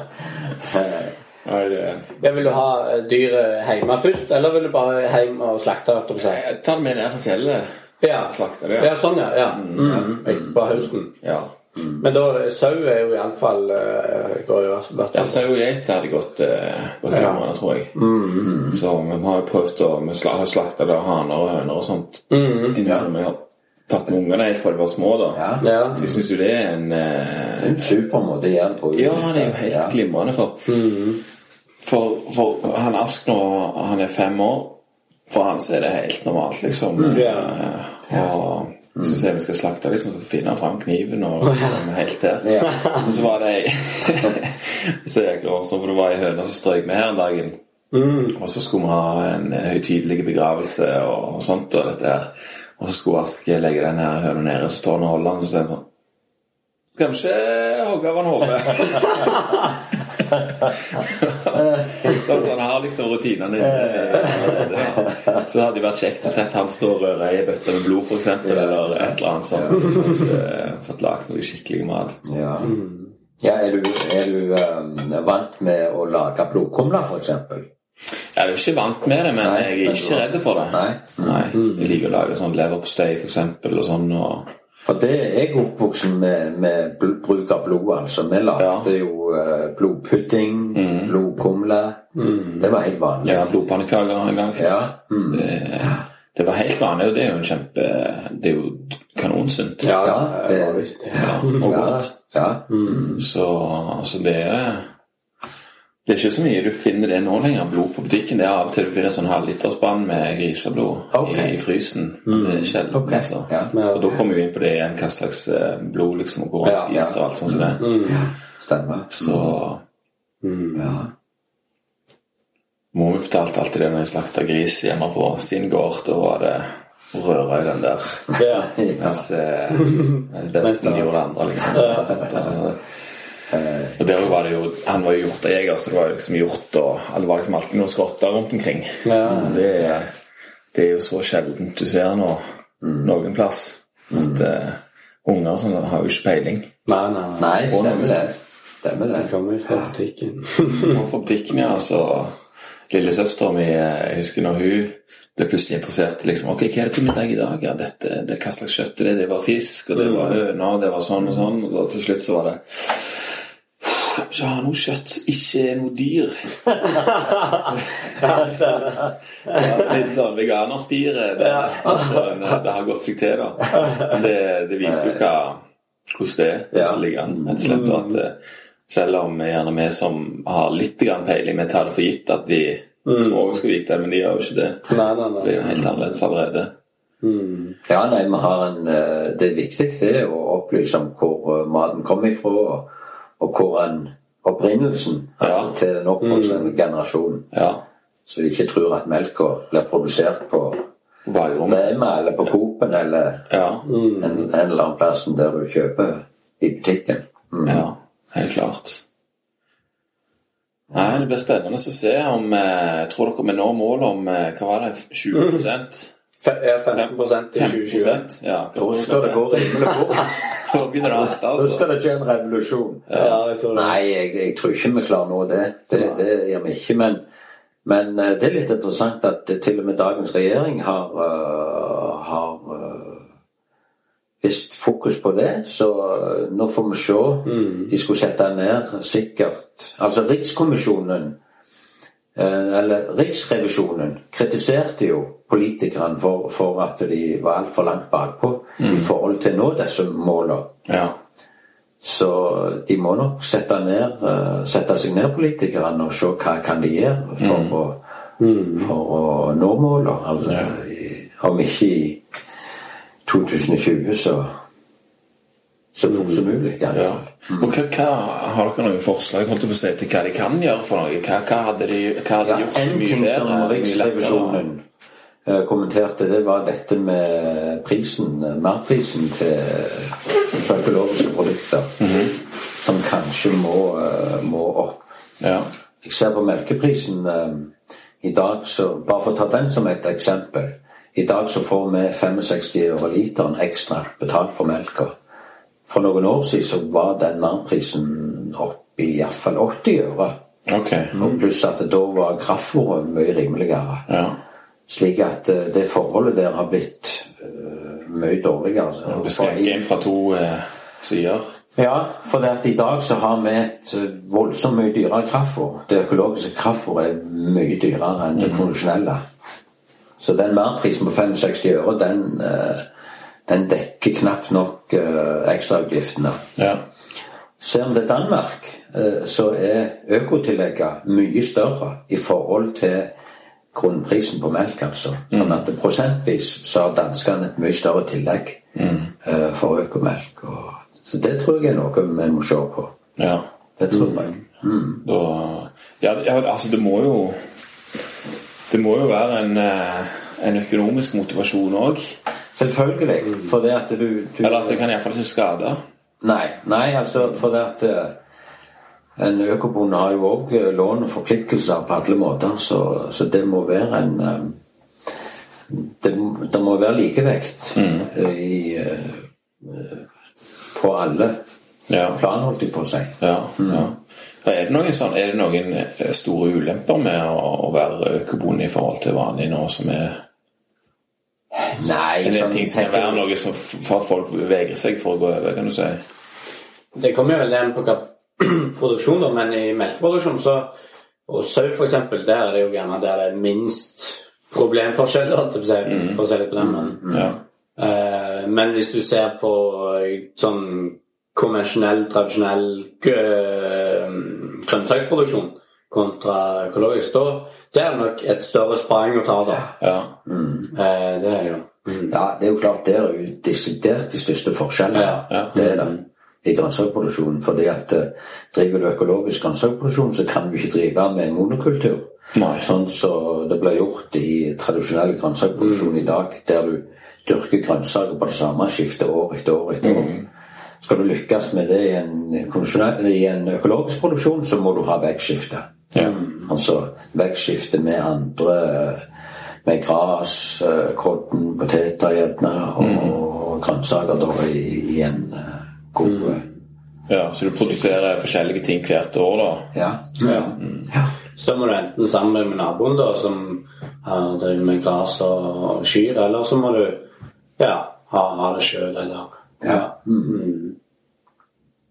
Men det er jo klart at eh, det er jo nokså hard eh, Hva skal du si intensiv drift på Jæren. Jæren er jo kjent for å ha flinke, dyktige bønder som, som eh, Der stor produksjon betyr mye. Og da bruker en gjerne en god del kraftfôr, og en uh, gjødsler uh, relativt godt for å få høye avlinger. Og driver du økologisk, så må du finne deg i litt mindre avlinger, som vi har nevnt tidligere. Og det er nok kanskje, jeg vil tro, eh, der ligger der en god del for en, uh, nærbu jærbu gjerne, eller en rogalending, at de, mm. men, ned, slett. ja. de, de må gjerne litt ned i produksjonen. Men uh, jeg har alltid hatt den filosofien at jeg vil heller drive litt mindre og heller ha litt mer igjen på det jeg holder på med. Men hvis jeg kan ta ut en, hvis jeg kan ta ut en merpris Ja. i, i, um, i markedet så, så gjør at jeg kan drive litt mindre, og ikke så intensivt, så vil jeg foretrekke det, altså. Mm. At du får mer for hver time du gjør, rett og slett. Ja, eh, og få bedre betalt for, deg, altså for, den, Mm. eh, for den varen du leverer. Ja. ja det Men det er jo klart, vi legger jo ned mye arbeid. Skal jo ikke legge skjul på det. Nei, nei, nei, nei, nei klart. Det som vi bruker mye arbeid på, det er jo ugrashåndtering, f.eks. Ja, ja, hvordan funker det, da? Ja, der må vi gå manuelt med og nappe opp på forskjellig ugras. og Ja. I tillegg så må vi tenke litt annerledes. Vi må tenke litt mer forebyggende. ja. For å være i forkant av, eh, av problemer Ja. med ugras. Hva, hva, hva er det vanligste ugraset? Ja, det som En av utfordringene hos oss og hos mange andre bønder òg, enten du driver økologisk og konvensjonelt, det er jo høymola, høymoler, f.eks. Mm. Høymola, tistel. Eh, tistel er ikke noe stort problem hos oss. Eh, det er det ikke, men høymoler har vi en del av. Det tar en god del tid. Ja. Eh, så ser jeg jo at eh, i, eh, når vi i engdyrking og korndyrking for så vidt, så har du jo ettårige ugras som òg kan være problem i gjenleggsåret. Ja. Altså i det året du sår i nytt gras og sånne ting. Og, ja. At det havner inni der. Ja, at du eh, Nå har vi f.eks. kjøpt oss ei ugrashorv eh, som, eh, som vi kan bruke til det. Eh, I korndyrking f.eks. at du horver eh, med visse mellomrom Ja. for å prøve holde graset vekke mens kodden etablerer seg, f.eks. ja. Og det fungerer, det fungerer veldig bra. Ja, det kan fungere godt det hvis du, hvis du treffer godt. Ja. ja, det er klart. Ja. Så du går rett og slett og luker? Ja, og det, er- det er som du så på filmen fra Sveits. Ja. Disse sveitsiske bøndene som gikk med hakka Ja, ja, ja. og, og fjerna Det var som en forlengelse av armen. Det er Ja. mest naturlig Ja. å ha med seg. Stemmer det. Slo løs der. Sånn er det her òg, altså, at vi må passe på at det ikke er høymoler i kantene spesielt. Og, Men vi går òg en del ut i enga og, rett og slett eh, drar opp og sørger for at du ikke får frøa seg. Ja. Så Og det var det, Tidligere kunne dere bare sprøyte det. da kunne vi sprøyte, ja. Ja, Det kunne vi. ferdig med ja, den. Ferdig med det, ja. Ja. Men det er jo ja, ferdig og ferdig. Ja, akkurat. Du, du kommer opp igjen selv om du sprøyter, Ok, viser det seg. Så sånn sett er det bedre å dra den opp, da. Det er jo mer arbeid. Ja. Men jeg vil nok påstå hvis du klarer å få den i, sjakk. Vi har en merke her nede, eksempel. Der er det vanvittig lite. Der har vi jo vanvittig god kontroll. Eller vi har jo det egentlig å velge, men så er det et par stykker som er sånn problemstykker. Men når du får den kontrollen og ikke slipper det, eh, men alltid tar det før slåtten og før det frer seg, så eh, sånn som den her 50 mål eh, med firehjulingen, det er på en time det nesten. Ja, det går voldsomt fort. Det gjør det. Det, det er Men da, men handler det om å være i forkant Ja. når det er, når det er lite. Og det er gjerne da det er vanskelig. Og, Ja. og da har du lett for å tenke sånn Ja, det er jo mest ingenting med, med blaffen. Men, men da er det utrolig viktig å være på hogget. Har dere dredd dere ut på det? Man har jo et par stykker som uh, ifra, ifra som, Noe av det siste som ble dyrka på Gaven, Ja. uh, der var det jo en del høymola når, eh, før det ble dyrka. Og, og der, um, der ser jeg vi sliter ennå. Det gjør vi. Mm. Så det er jo stykker som har gjort en litt, litt for dårlig jobb på tidligere, da, kan du si. Ja. ja, ja, han lærer vel av det. Ja, det kan du si. Det er det som er poenget. Det er poenget med slett arbeid. Ja, ja. ja ikke sant? Nei, ikke sant. Learning by doing, er det ikke det de sier? Ja, det er det. Ja. Det er da det, det, er da det sitter skikkelig. Så sitter det i ryggmargen. Ja. En, en ting annet som kan være, kan være eh, aktuelt nå, er jo sånn dette med karbonlagring i jord og sånn. Vet dere noe om det? Ja, hun kan nok litt om det. Det er jo, Jeg syns det er galt spennende. Uh, og en har jo et potensial til å uh, lagre mer karbon i jorda. Men uh, Og så er det jo en stor forskjell der fra her og Østlandet, f.eks., der de hadde med ensidig korndyrking i 50 år, liksom. Der er jo karbon- eller mollinnholdet i jorda det er vanvittig lavt. Så Mens her er det jo eh, gjerne forholdsvis høyt da, i forhold, i forhold til, i forhold til Russland. For her har det jo vært gress hele tida. Det har det jo.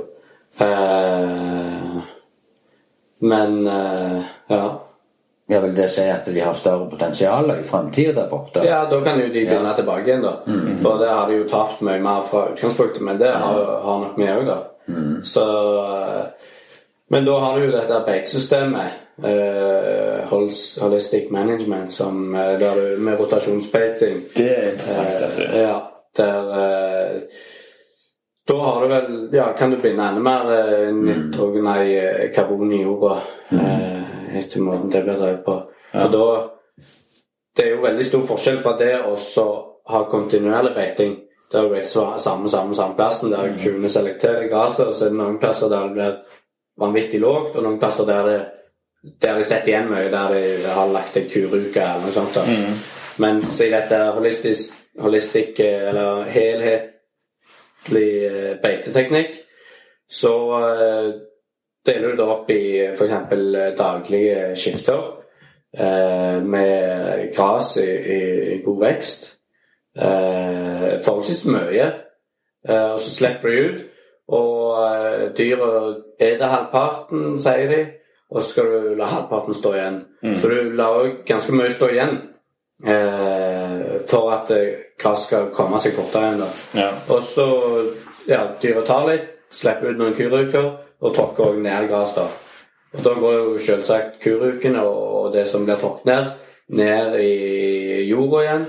Og mikroorganismene, det blir mat til mikroorganismene som da binder ned eh, karbonet fra, som er produsert fra fotosyntesen i, i gresset. Og det kommer ned i jorda, og ja, du får en galla god eh, jordstruktur. da. Eh, det gjør du. Så viser det seg vel òg at avlingsnivået Ja, eh, øker ja. med, det. med det systemet der. Vi prøvde det faktisk Gjorde det, ja? delvis nå i vår. Jørgen tok og, og delte uh, beitene opp i mange småskifter. så vi prøvde dette med å kun ha dyra på beite ja, et par dager og før vi flytta de til neste. Og da er det sånn at de, da spiser de mer av det som er der òg, da? Ja for da er liksom alt like bra. Ja, ok, ja. Og så tar, tar de eh, ja, litt mer enn alt. da. Da får du en jevnere eh, beiting på en måte. Ja, Ja, det gjør Men det. stiller jo litt større krav til styring av beite, da. ja Ja. det gjør det jo. Du må være veldig våken for å Ja. se hvilket skifte som er neste, og eh, Ja. hvor lenge det skal hvile og alt mulig sånt. Ja, ja, ja. ja for jeg ser, Det er en sauebonde på Østlandet som holder på med det der, så jeg følger med på Facebook. Og Han sier at uh, han skriver en plan, liksom, og det gjør han alltid med blyant, fordi at Ja. du må liksom forandre det hele Ja. Så, men, men han sier det at du får jo enormt mye ut av det. Altså, du setter Mm. for eksempel en, en høyball oppå toppen av eh, en liten haug, sånn, så Ja. når de spiser og driter, så pst, går Ok. det ned gjennom, for eksempel. Altså, det er en av de mange mange tingene Mm. det går an å tenke på. Jeg husker jeg så det første gangen var han der Joel Salatin. Vet du hvem det er? Den amerikanske bonde. Tror jeg har hørt navnet. Det, det må dere gå inn og sjekke. Altså, han har en sånn gård der, der alt er sånn, kan du si. Så han har først storfe ut på ei slette, så er de der og spiser Jeg tror faktisk det er bare én dag, ja. Og så går de videre. Og da ligger jo kurukene der, og, og fluene kommer. sant? Og så tre dager etterpå, da, da er de inn med med eggmobilen, som han kaller den for. Ja. Det var sånn, ja, en sånn Ja. traktorhenger med massevis av høner på. Så setter du den Ja. ut på det, og da er jo larvene klare. Sånn, så da spiser de larvene i tillegg til at vi sprer møkka, Ja. og tilfører mer møkk sjøl. Og så har du jo, da er den ferdig, liksom, den, eh, den gressplassen der, og så fortsetter det bare sånn bortigjennom. Og det, det blir helt ekstremt effektivt, for Ja, ja, ja. de hønene trenger jo så mye mindre fôr òg, i og med at de får masse larver og For proteinføde og er sånt. akkurat de riktige aminosyrene og alt mulig. Ja, så det er jo det de er. Det, det er jo sånn de er lagd Ja, for å leve sånn. Så han må dere sjekke ut. altså. Det er Ja. Poly, Ja. Polyface Farms heter gården hans. Okay. Det, det er litt det der polyface, at du skal ha flere ansikt på gården. Sant? Ja. At skal jobbe sammen, disse her mm. Ja, Det er vanvittig interessant. Det er noe jeg har lyst til å teste ut hvis jeg, eh, hvis jeg tar over, da. Eh, Blant annet eksempel eh, jeg har lyst på en eplehage der, og da selvsagt har høner og gjester. Ja. Slipper å slå eh, gresset, for det tar gjestene. og Hønene er med for å eh, ta insekter og alt mulig. Alt mulig greier. Jeg holder akkurat på å fode noen epletrær. Ja. ja jeg, jeg, skal, prøve med Jeg var i, i høst og henta rognbær. Rognbærtrær. Å ja. Massevis. Og så har jeg de nå i drivhuset. Ja. Der, og så har jeg klippet av noen eplegreiner nede hos forskjellige trær som gjør For altså, Det skal du bruke rognebær som, eh, som grunnstamme? ja. Ja. Så tenkte jeg at jeg skulle prøve det. ja. Mm. for det, det er jo så vilt mange epletrær som Ja, ja. der ikke blir plukket et eneste eple. Ja. Så jeg er litt rundt deg så dinger på og spør om jeg kan få plukke det, og så lager jeg sider av det. da. Ja, Ja. ok. Det er kjempegreier. Ja, oh, det er nydelig. Vi lagde Det så gøy, eplepresser med nå for, eh, for et par år siden. Oh, ja, jeg du presser det sjøl. Ja. Ja. Ja, jeg òg. Jeg har jeg, jeg liker å prøve å lage ting sjøl. Sånn. Ja. Jeg gidder ikke liksom, kjøpe en sånn svær presser for eksempel, til mange tusen kroner, men jeg finner sinnssykt mye glede i å lage noe. Så jeg fant en sånn en eh, Sånn en eh, tøypresser, sånn gammeldags. ja. Så den skal jeg bygge om til knuser, rett og slett. Og så har jeg sånne rammer som jeg har lagd. Eh, jeg skal, de skal ha de knuste eplene De knuste eplene, så pakker de inn i en, mm. en slags firkant inn i noe tøy. sant? Og så setter de oppå hverandre, tre-fire stykk. Og så er de inni ei ramme, og så er det en biljekk på toppen. Ja. der, så bare Det er det vi har ja, er det det, ja? Ja. Ja, kult. Så det, det funker jo dødsbra. Ja. Da er det bare rett på tanken, og så på med en uh, luftlås, og så er det ferdig, egentlig. Men den knusinga den er jo egentlig ganske essensiell. Den, der er det veldig viktig at det blir skikkelig knust Ja. for å få ut nok. Så hvis en bare mm, kverner det, å eller, eller smasher eller knuser det, og det er stor, Ja, da har du biter som holder på å safte? Ja, så eh, er nok det gunstig å ha en som lager det nesten til en graut, nesten. Ja, for det som jeg har tenkt er så ha, ha i, i ved liksom eh, skru inn massevis av skruer i ved, sant? og så ei traktor, sånn at de liksom ligger nede. Ja.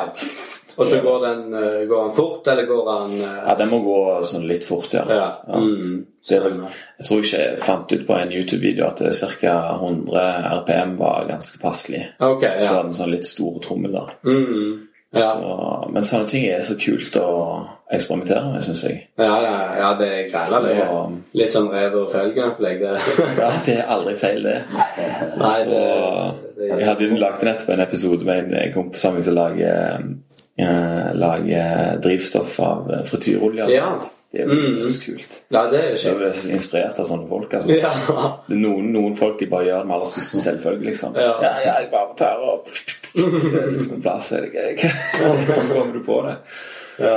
Men eh, epler i alle fall. Det, er det sider du òg tenker på? Eller syltetøy og sånt? Ja, Eller Vi har lagt eh, saft, mest. saft, ja. Mm. ja. Det kan det. Eller juice blir det også ofte. ja. Men det, det er helt det det. sinnssykt godt, ja.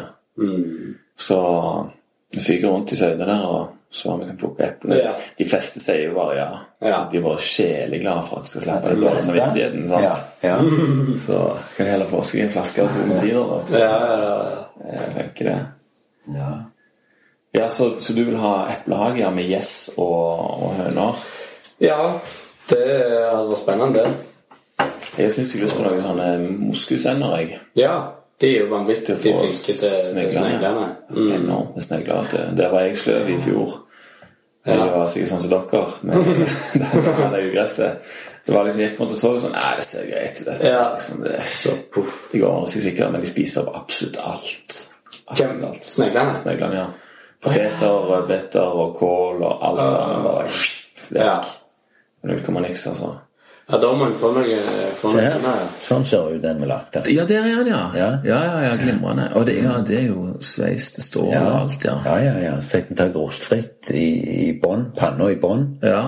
Eh, også der har jeg dette ute, ja. Ja. Det likte jeg òg, jeg. og så bildemeik, ja. Enkelt og greit. Ja, ja, det trenger ikke være så Eh, og så noen eh, treplater.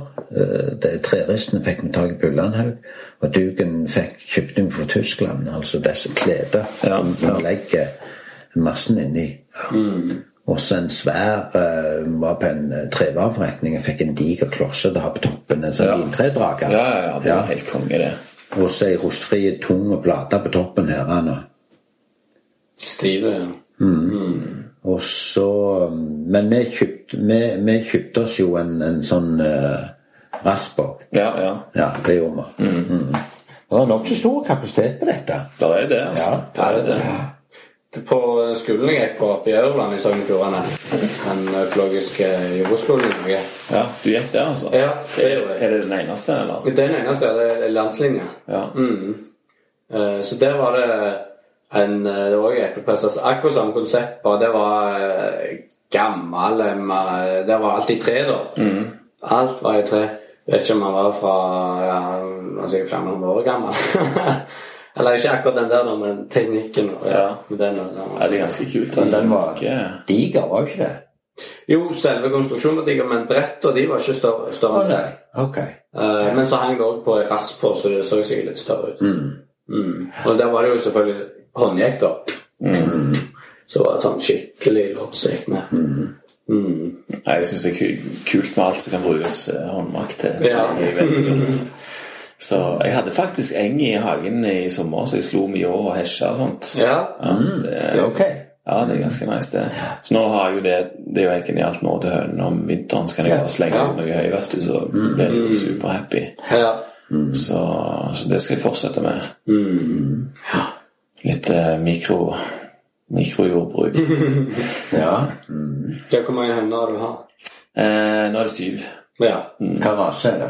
Det er litt forskjellige blandinger. Sånn, okay. Det er sånn tilfeldig Miks? Ja. Bygdamiks? ja, bygdamiks, ja, rett og slett. Så, men eggene er gode, de, altså. Ja, De ja, er ja. skikkelig eh, gode, kraftige plommer. Så det er det som betyr noe. Mm. Jeg spiser jo mye egg, så jeg klarer ikke å dekke hele mitt behov, men jeg får iallfall gitt de, de gode eggene til ungene. Det er Ja. liksom det jeg syns er viktigst. At de skal ha den, det beste der.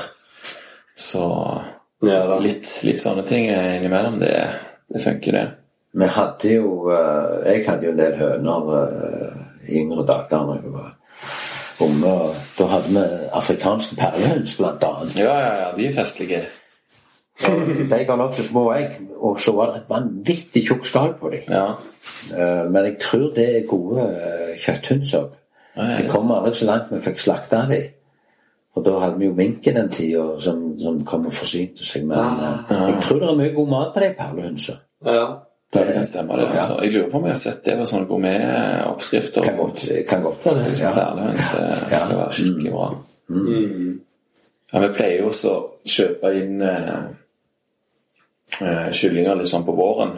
Ok. Vi har noen kyllinger på våren, Det er jo veldig kjekt for ungene, da, men du vet jo aldri hva om det blir høne eller hane. Nei. Så det blir jo det bare etter hvert. Så er det han Ask og sønnen min, så, så vet at når det begynner å, å gi beskjed, da er det å finne øksa. så går han 'Pappa! Og slakt!' Så, Ja. så da lager vi jo hane i vin, eksempel, eller Ja. sånne typiske sånne haneretter. Så du Ja. liksom ikke liksom, finner jo ikke hane i butikken, liksom. Nei, stemmer Så det er litt Nei, du- annerledes Du finner jo ikke høna heller. Nei, du gjør ikke Nei, det er litt grann å Ja, gjør det. Ja, Okay. det er litt grann høns. Ja. Men uh, det er veldig lite, da. Det er jo det. Men uh, ja det går i broiler. ja, det gjør det. Men det er kjekt å se når du har slakta en hane midt på sommeren, sant? og så ser du bare at kjøttet er helt mørkt. Sant? Og så ser du de gule fettstripene som er overalt. Sant? Det betyr jo bare at de har spist mye gras, f.eks. At det gir farge og smak i både kjøtt og fett. ja. Det, det er så fornøyelig å, å lage et sånt måltid. Altså Hvis du ber noen folk på middag ja. og så har du liksom akkurat slakta Ja, hanen og liksom kan fortelle og sånn, så det, det, det syns jeg er noe av det beste som fins. Altså. Iallfall hvis du kan servere litt sider og sånt. Skal du har prøvd den? Jeg har prøvd den. Ja, jeg tar gjerne. Litt til. Den var så fast og fin. Ja, den måten vi gjør det på her, at uh, når vi bare øser ifra, så, så mysen den renner jo av her, han er vel gjerne i ikke det? Så det ble jeg veldig sulten gjerne, og så som styrkedrikk. Ja, har dere noe Dere som er erfarne økobønder, har dere noen tips på slutten her til noen som vil begynne med det, eller uh, leke med tanken? Hva, hva de kan gjøre for å, for å begynne en plass, rett og slett? Ja, hjemme hos seg sjøl, eller drive gård, eller Begge deler. Eller drive gård, da. Hvis det er en bonde som går og tenker at "Fader, skal jeg hive meg på, eller skulle lært litt mer om dette her, f.eks., eller Ja, det er jo veldig Det er en Viktig. fantastisk eh, start. Altså, eller det er jo, det er jo et must. Mm. For det det. at eh, det å tilegne seg kunnskap, det er jo utrolig viktig. Det er jo grunnlaget for å ta beslutninger, det. Ja. Stemmer det. Og så er det jo Du har en organisasjon som Oikos, f.eks. Økologisk eh, Norge heter det. Nå i dag der er det jo masse kunnskap eh, å få. Det er jo en organisasjon som består av både bønder og forbrukere. Det er litt genialt. altså At Ja, det- du har det samspillet der. De utgjør også et flott blad som heter Ren mat. Så har Ren du- Mat, ja. Ren Ja, mat. det har jeg, det for. ja. ja, hvis du er medlem av Oikos, så får du det. Og så har du òg et annet tidsskrift som heter så mye så Økologisk landbruk. Økologisk landbruk. Det er mer retta for bønder. Det er mer et fagblad, kan du si. Der, eh, det, det er bare fagstoff, stort sett. Og der er det jo òg utrolig mye god agronomi og, og, og tips å ta med seg. Så det vil jeg òg si er et must. Og så I tillegg, hvis du går på nettet, så har du noe som heter Agropub. Der ligger det ute enormt mye mm, eh, kunnskap om økologi. Eh, Artikler. Og, så og lenker til forskjellige ting. Så, så eh, bare å begynne å, å, å, å tilegne seg dette, så, så får en fort interesse òg, forhåpentligvis. Og, mm. Men òg dette med å besøke andre bønder som, som har lagt om. Vi har ofte tatt imot grupper Ok, ja. eh, av eh, studenter altså, som går på jordbruksskoler eh, og andre skoleklasser gjerne, som er interessert i å komme. Vi har hatt bønder som har vært på tur i området, som gjerne vil komme innom og kikke litt. Og, og det er aldri et problem, så det er bare å ta kontakt til, så, så får de en liten uh, Ja. omvisning og sånn. Jeg må like Leikvoll eh, Hva hva- heter det Leikvoll økologisk gard Leikvoll ja, økologisk gard, ja. På, Facebook. da, ja. Der prøver vi å legge ut litt. Grann. Vi, er ikke fli, vi er ikke flinke nok til å legge ut, men eh, litt har vi jo lagt ut. Ja. Lære litt av hun ystedama. Ja. Ja da, vi har litt å lære av det. Ja. Det er jo mye i eller? Ja, Ja, hun lagde en sånn film her eh, Ja, som var stor så skikkelig godt an. den har jo Ja. blitt sett av mange tusen, bare. Ja, ja, ja, det var ikke måneder. Så det er kult. Ja. Mm. Skal jeg si. Det, det viser bare at eh, folk som er interessert, for, eh, interessert i gode produkter, at de unner produsenten suksess, Ja, kan du si. ja. Mm. Det, det syns jeg er veldig fine ting. At eh, reklamen trenger ikke komme utenfra og inn. liksom At du skal bli fortalt om noe, men at du liksom finner ut av noe som du har lyst til å, å snakke om til, Mm. til andre. Fordi at mm. ja, du unner dem både den gode smaken og, Ja. og unner personen som, som tar skritt og gjør noe sånt. Det eh, suksess. det. Det, det er viktig, altså. Så Ja. Men, men du kan si eh, det å få lov til å ta en sjanse sånn, det, det er òg viktig. altså. Eh, Det gjelder jo alt du holder på med, at, at, at eh, du må få lov å gjøre feil. Du, altså, Ja. Det er det du lærer av, som sagt. ikke sant? Og et feil, feilsteg på veien, det, det, det kan Altså, du lærer noe av alt. Ja, det gjør så. Det gjør så. I hvert fall hvis du har den innstillingen, så er det jo Ja, ikke så farlig ja. å feile. Men òg blant andre folk at ikke folk ha-ha, hva var det jeg sa, jeg visste det gikk galt, eller et eller annet. Ja. Ja, ja, ja, den, ja. Det er forferdelige greier. Ja, det er jo- At du må få lov til å gjøre feil. ja. Så det, det er viktig. Ja, det er jeg helt enig. Jeg er veldig fan av å eksperimentere og prøve ting. Ja. Selv om det ikke ligger liksom eh, 50 vitenskapelige eh, tester liksom, som Ja. også beviser det. Altså, det trenger ikke være 100 bevis. Altså. Vi må jo leke oss litt òg og Ja, se litt. Grann. så, så det er jeg veldig fan av. Så det er det jeg gjør der hjemme i liten skala med sånne som dere eh, i, hodet som forbilder. Ja, altså, Det er faktisk òg interessant. Altså, Hvis det er bønder som går rundt og lurer på uh, om vi skal leke om, Ja. så vil jeg anbefale deg å ta et lite stykke av gården. Ta fem-ti mål eller et eller annet. Kutt ut husdyrgjødsel, nei, kutt ut kunstgjødsler. Kutt ut sprøytinger, og så prøv dere litt fram. Se hva du får til. Se hva du får til, ja. Mm. Eh, Sørg for å få inn kløveren i enga, eh, og så tar du det derifra. Og da løper det ikke noe stor risiko. Det er ikke noe stor risiko om du eh, om, om du har et lite hjørne på gården der du kutter ut kunstgjødsel og, og bare bruker husgjødsel. og, og prøver det litt fram. Det Og, kan være en forfriskning òg i hverdagen. Ja, absolutt. og Ja, ja, ja. Og liksom følge litt ekstra med. ja, mm. For vi gjorde det når vi la om. Vi, vi, vi la om i løpet av tre år, som jeg nevnte tidligere. At vi begynte med en 40-50 mål eller noe sånt. Og tok det litt sånn gradvis for å få litt føling med det. Ja, for du, du sprer jo risikoen òg. Sånn, altså, hvis du skulle gjort det på alt på en gang, gjort samme feil på hele greia, så blir det Ja, litt, for så litt ja. eh, tung Ja. lærepenge i forhold Ja. til hvis du bare har sånn stykkevis. Ja, stemmer det. Mm. Nei, så det er bare til å ta utfordringen. Ja. Klemme i vei. Rett og slett. Oppfordre til det. Framtida er økologisk. Ja, det er det ikke noe tvil om. Det er iallfall ikke noe tvil om. Og eh, jeg kommer til å legge ut linker til alle de tingene vi har snakket om, og sånt legger jeg inn eh, på, på bloggsida her, sånn at folk kan inn og klikke litt og, og studere dette her litt videre hvis det Håper jo det appellerer litt dette her, at folk Ja. blir litt mer interesserte og Ja. syns det er gøy å høre om. Det er litt derfor jeg har lyst til å ta turen ut her. Og må jo bare si tusen takk for tid og, og uh, prat. Jo, det var gysla kjekt å, Ja. ha besøk av deg. Og Ja, kjekt, ja. alltid kjekt å ha interesserte folk. Ja. Uh, og vise rundt og, og fortelle litt om økologi. Og det er alltid kjekt òg for meg å snakke med folk som er interessert i det de holder på med, og entusiastiske. Da, da blir det alltid interessant uansett hva som er temaet, nesten. Ja, mm, jo, det er Så sant. Ja. veldig kjekt. Nei, men da må jeg bare si lykke til videre med geiter og, og alt det der.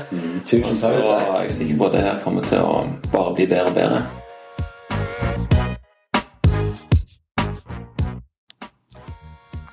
Ja, der lærte jeg meg en ting og to om å være økologisk bonde. Tusen takk til Kolbjørn og Jørgen Anders som ville snakke med meg om dette her, og tusen takk til deg som har hørt på.